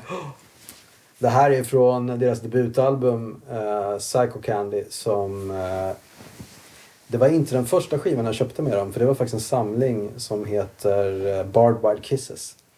Men när jag, kom, när jag kom hem med Psycho Candy och råkade stoppa pickuppen mitt i första spåret då förstod jag ingenting. För det skiljer sig ganska mycket mellan... Eh, på, på eh, Kisses så har de ju börjat med trummaskiner och eh, lite bättre produktion om man ska säga så. Jesus and Mary Chain för de som inte känner till dem, det är ju... De älskar ju Phil Spector och 60-talspop och Wall of Sound. Ja, just det. Det är hela deras grej. Och eh, Bobby Gillespie från Primal Scream, han spelade ju trummor i det här bandet. Ja. På första plattan. Och han stod ju upp och spelade som Mo Tucker. Han stod upp och spelade med bara en eh, puka och en virveltrumma egentligen. Eller Oj. två pukor. Det ser ju otroligt coolt ut när man ser de här gamla videorna. De, eh, Jesus and Mary Chain och Johnny Ramone är anledningen till att jag spelar gitarr överhuvudtaget. För jag kommer ihåg att jag satt där i, i, mitt pojkrum med en akustisk gitarr och försökte ta ut de här låtarna och insåg att jag kan ju fan spela de här. Det är inte mer än tre, fyra ackord i de här. Nej. Vilket är fantastiskt. Och tack vare Johnny Ramone så har jag lärt mig att spela power chords. Mm. Ja, hyfsat i alla fall. Eh, och Jesus and Mary Chain, hela den här, det var ju som vi pratade om tidigare här med att utforska ljud. I min värld seriekopplade distpedaler genom stora reverb och det var liksom vackra melodier som döljer sig i ett kaos av Ja. oljud. Ja. Och det var det vackraste jag någonsin hade hört. Och det fick mig att vilja spela gitarr. Det var som när vi satt nere i källaren och lyssnade på, eh, vad hette bandet? Eh, The Sword. Ja, då Mm. ville jag spela gitarr. Mm. Det, det var det första jag tänkte på när, när jag hörde det. Mm. Jesus and Mary Chain för mig är precis samma sak. Och Psycho Candy är ju debutskivan från 85 och den är jävligt noisy. Mm. Men det är så mycket vackra låtar. Och jag väntade också många år på att se dem live. Jag såg dem på Münchenbryggeriet för ett par år sedan. Det var en fantastisk upplevelse. För det var lite ostämt, det var lite falskt, det var konstiga volymer och det var allt jag någonsin hade drömt om. Det, det är två bröder, bröderna Reed Ja. i det här bandet. Och den ena brodern, Jim då, han som sjunger de flesta låtarna, han sa det, titta på publiken när, De, de kör en låt som heter eh, Some Candy Talking och i det här solot så är Williams gitarr, den är ostämd. Ja. Den är nästan en halv ton fel. Det är fruktansvärt. Men det var allt jag hade hoppats på. Ja. Och så säger Jim tydligen, han säger till publiken så här. You think after 40 years you learn to tune a fucking guitar? och så tittar han på sin bror som bara pekar finger och garvar liksom. Det var, det var en av de bästa konserter jag någonsin har sett i hela mitt liv. Coolt. Och Jesus and Mary Chain, om man inte känner till dem så kanske man inte ska börja med Psycho Candy för den är ganska svår. Ehm, men ehm, ja, de finns fortfarande. De släppte en ny skiva för ett par år sedan. De har precis signat till eh, eh, brittiska Fuzz Club så det kommer en ny skiva där Mm. snart. Och jag fuskade in dem i Blå Måndag till Måns förtret. ja, precis. för ett par månader sedan. Då fick jag spela ett spår från nya plattan som heter eh, Damage and Joy och den är väldigt bra. Den låter dock inte som det vi ska lyssna på nu. Nej, vi kör.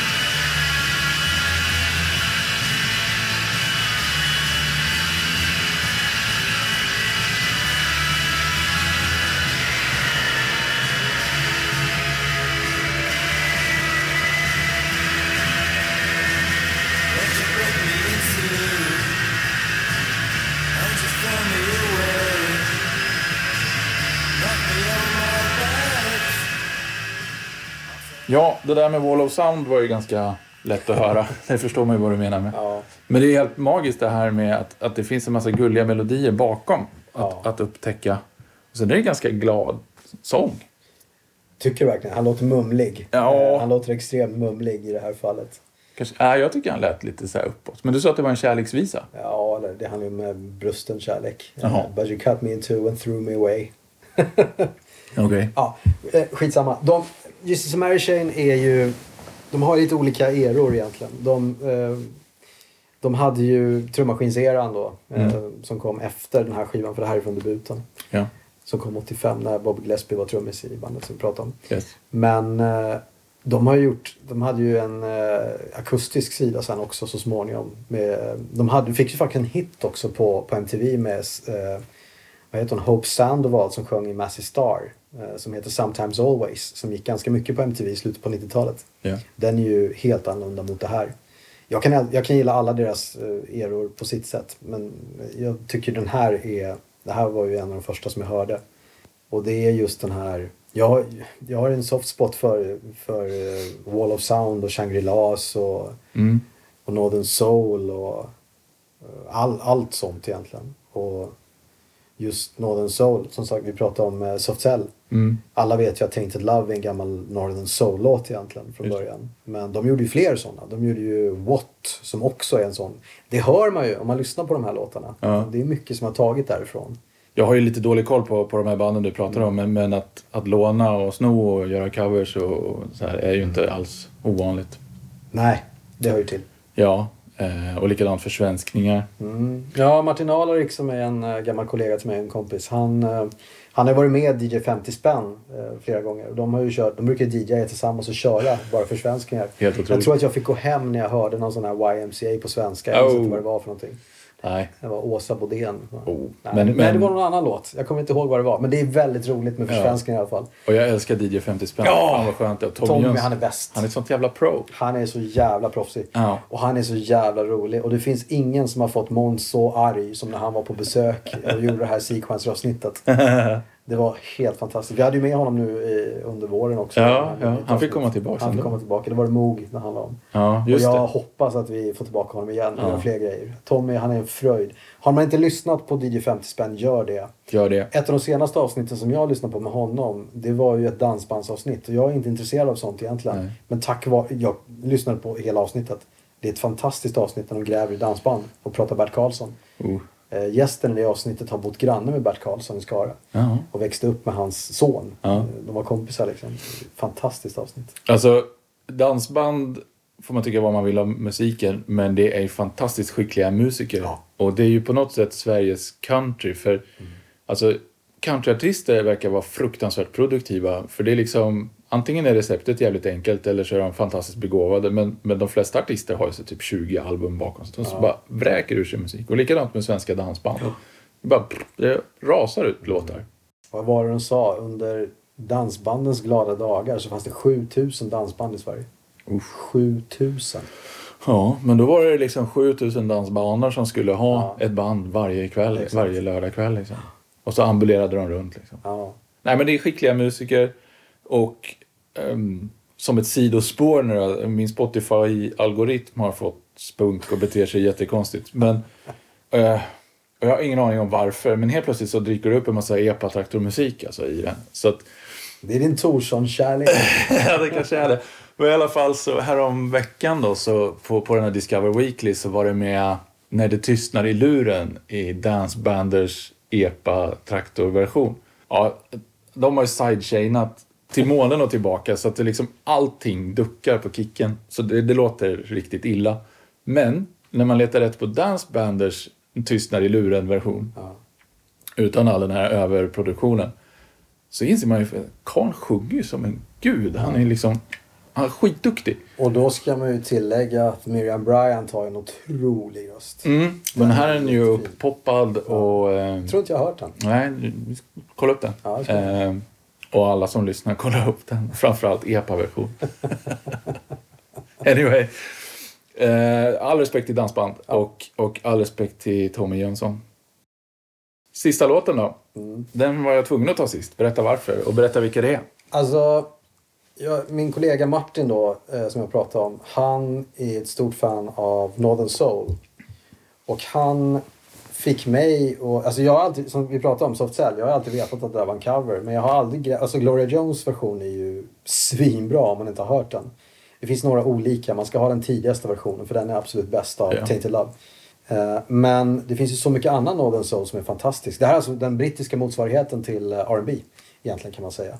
Det är ju, om du tänker hur Stax och alla de här Motown och allt hur det lät.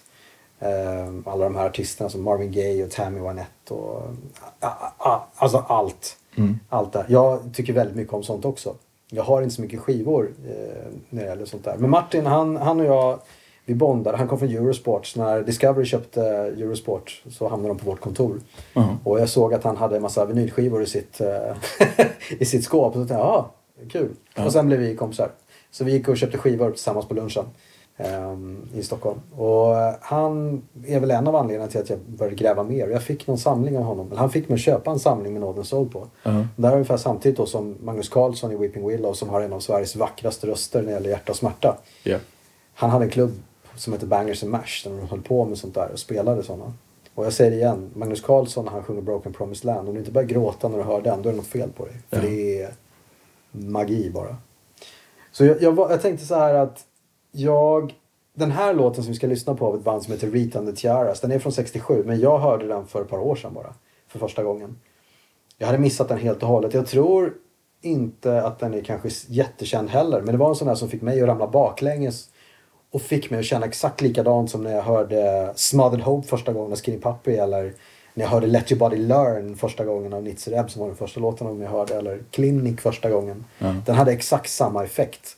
Och jag funderade mycket på varför det var så. För den är kanske ingen speciell. Men det är ett otroligt popsnickeri det här. Och det är så mycket mörker i det också. Mm. Och jag tror att det var därför den tilltalade mig. Ja. En otrolig låt. Ja, och apropå den förra låten som vi spelade, det här med att blanda pop och, och positiva eller glada saker och mörker. Jag, jag tror att det finns någonting där i att, att liksom yin och yang och att man delar upp saker, liksom push, pull, vad, vad du nu vill kalla det. Jag tror det är ett, ett bra recept på framgång.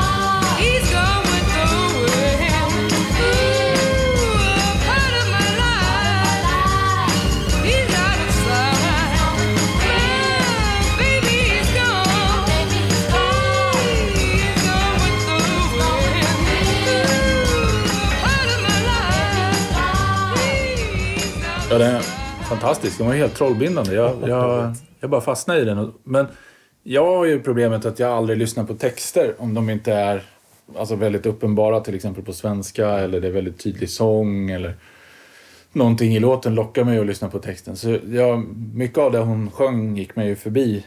För det är ju väldigt...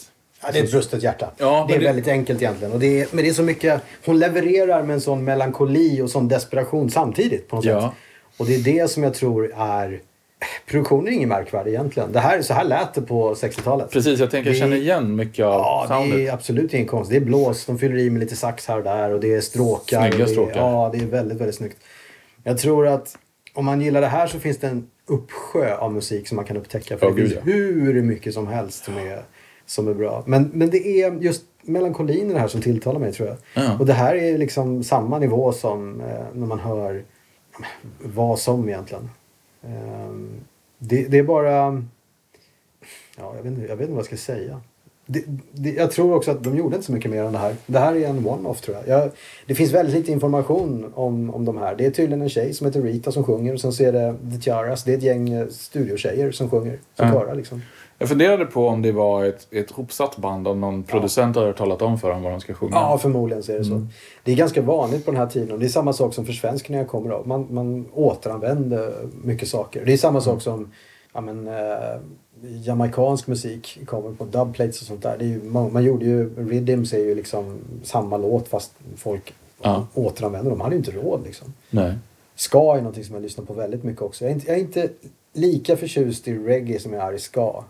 Eh, Nej. jag vet inte varför. Det finns, Trojan Records har släppt hur mycket bra som helst. Och en av mina absoluta favoritvinyler är ju en, box med tre stycken dubblar med det bästa från eh, Trojan Records. Mhm. Det finns alltid någonting man kan lyssna på där så blir man glad. Liksom. Alltså ska är ju, är ju punk-reggae på något sätt. Så Ja, jag- fast nu pratar vi 60-tal. för- eh, 60-tal Ja, okej. och alltså inte, inte Inte det, fin- det, finns ju flera, nej, det finns ju flera faser av ska egentligen. Den Okej. första är ju 60-tal. Ja. Eh, Rocksteady och ska kom ju då Ja. från Jamaica. Då har du till exempel The Paragons när de gör The Tide Is High. Det är väl en av de mest kända. Det är den som Blondie gör en cover på på 80-talet. Eh, och sen så kom ju Specials och eh, Madness på 80-talet med Two Tone Records. Mm. Eh, det blev den andra vågen. Och sen kom ju tredje vågen som blev punkgrejen då. ja, exakt. Så Så har jag nog missat historiken där. Men Ja, ja, okej. de gamla. Ju- Lyssna på, vi kan ta, eh, lägga till en låt här då som Ja. jag inte fick med, med allting. Lyssna på The Paragons, The Tide Is High. Så förstår du precis vad jag menar. Det här är 60... Ja, den är med.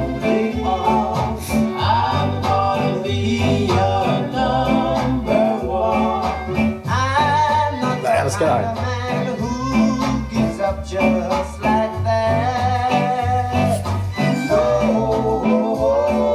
Då fattar du vad jag menar. Ja, absolut. Det där var ju inte alls eh, den ska som jag tänker på när, när folk säger ska. Men i så fall förstår jag. Och då skulle jag nog kunna hålla med dig att jag... eh, Viss reggae är nog... eh, Ja, då kanske jag föredrar det här. Men annars är jag ganska stor... Jag lyssnar mycket på dubb. Alltså riktigt gammal jamaicansk dubb. Oh ja. Men det finns också... Fan vad det då? Eh, vi var i Stockholm och gick på download, tror jag. Och som förband var det Twilight Circus Sound System. Eller Dub Foundation, tror jag det är. Det är en snubbe. Multiinstrumentalist. Skit, spelar allt upp. Skitduktig. Och de letade jag upp när Spotify kom. För jag hittade fan aldrig dem. Jag hittade ingen skiva att köpa med dem. För jag, det här konserten var ju kanske tid, nej, sent 90-tal var det. Eh, och sen när Spotify kom letade jag rätt på dem där. Och har några playlists jag lyssnar på. Det, det gillar jag starkt. Alltså det finns ju, det finns ju så, så jag, jag kan bli lite ledsen när folk bara vill lyssna på en typ av musik. För det finns så mycket att upptäcka där ute. Jag var likadan när jag var 14. Jag ville inte heller upptäcka något annat. Det var bara synt liksom, inget annat.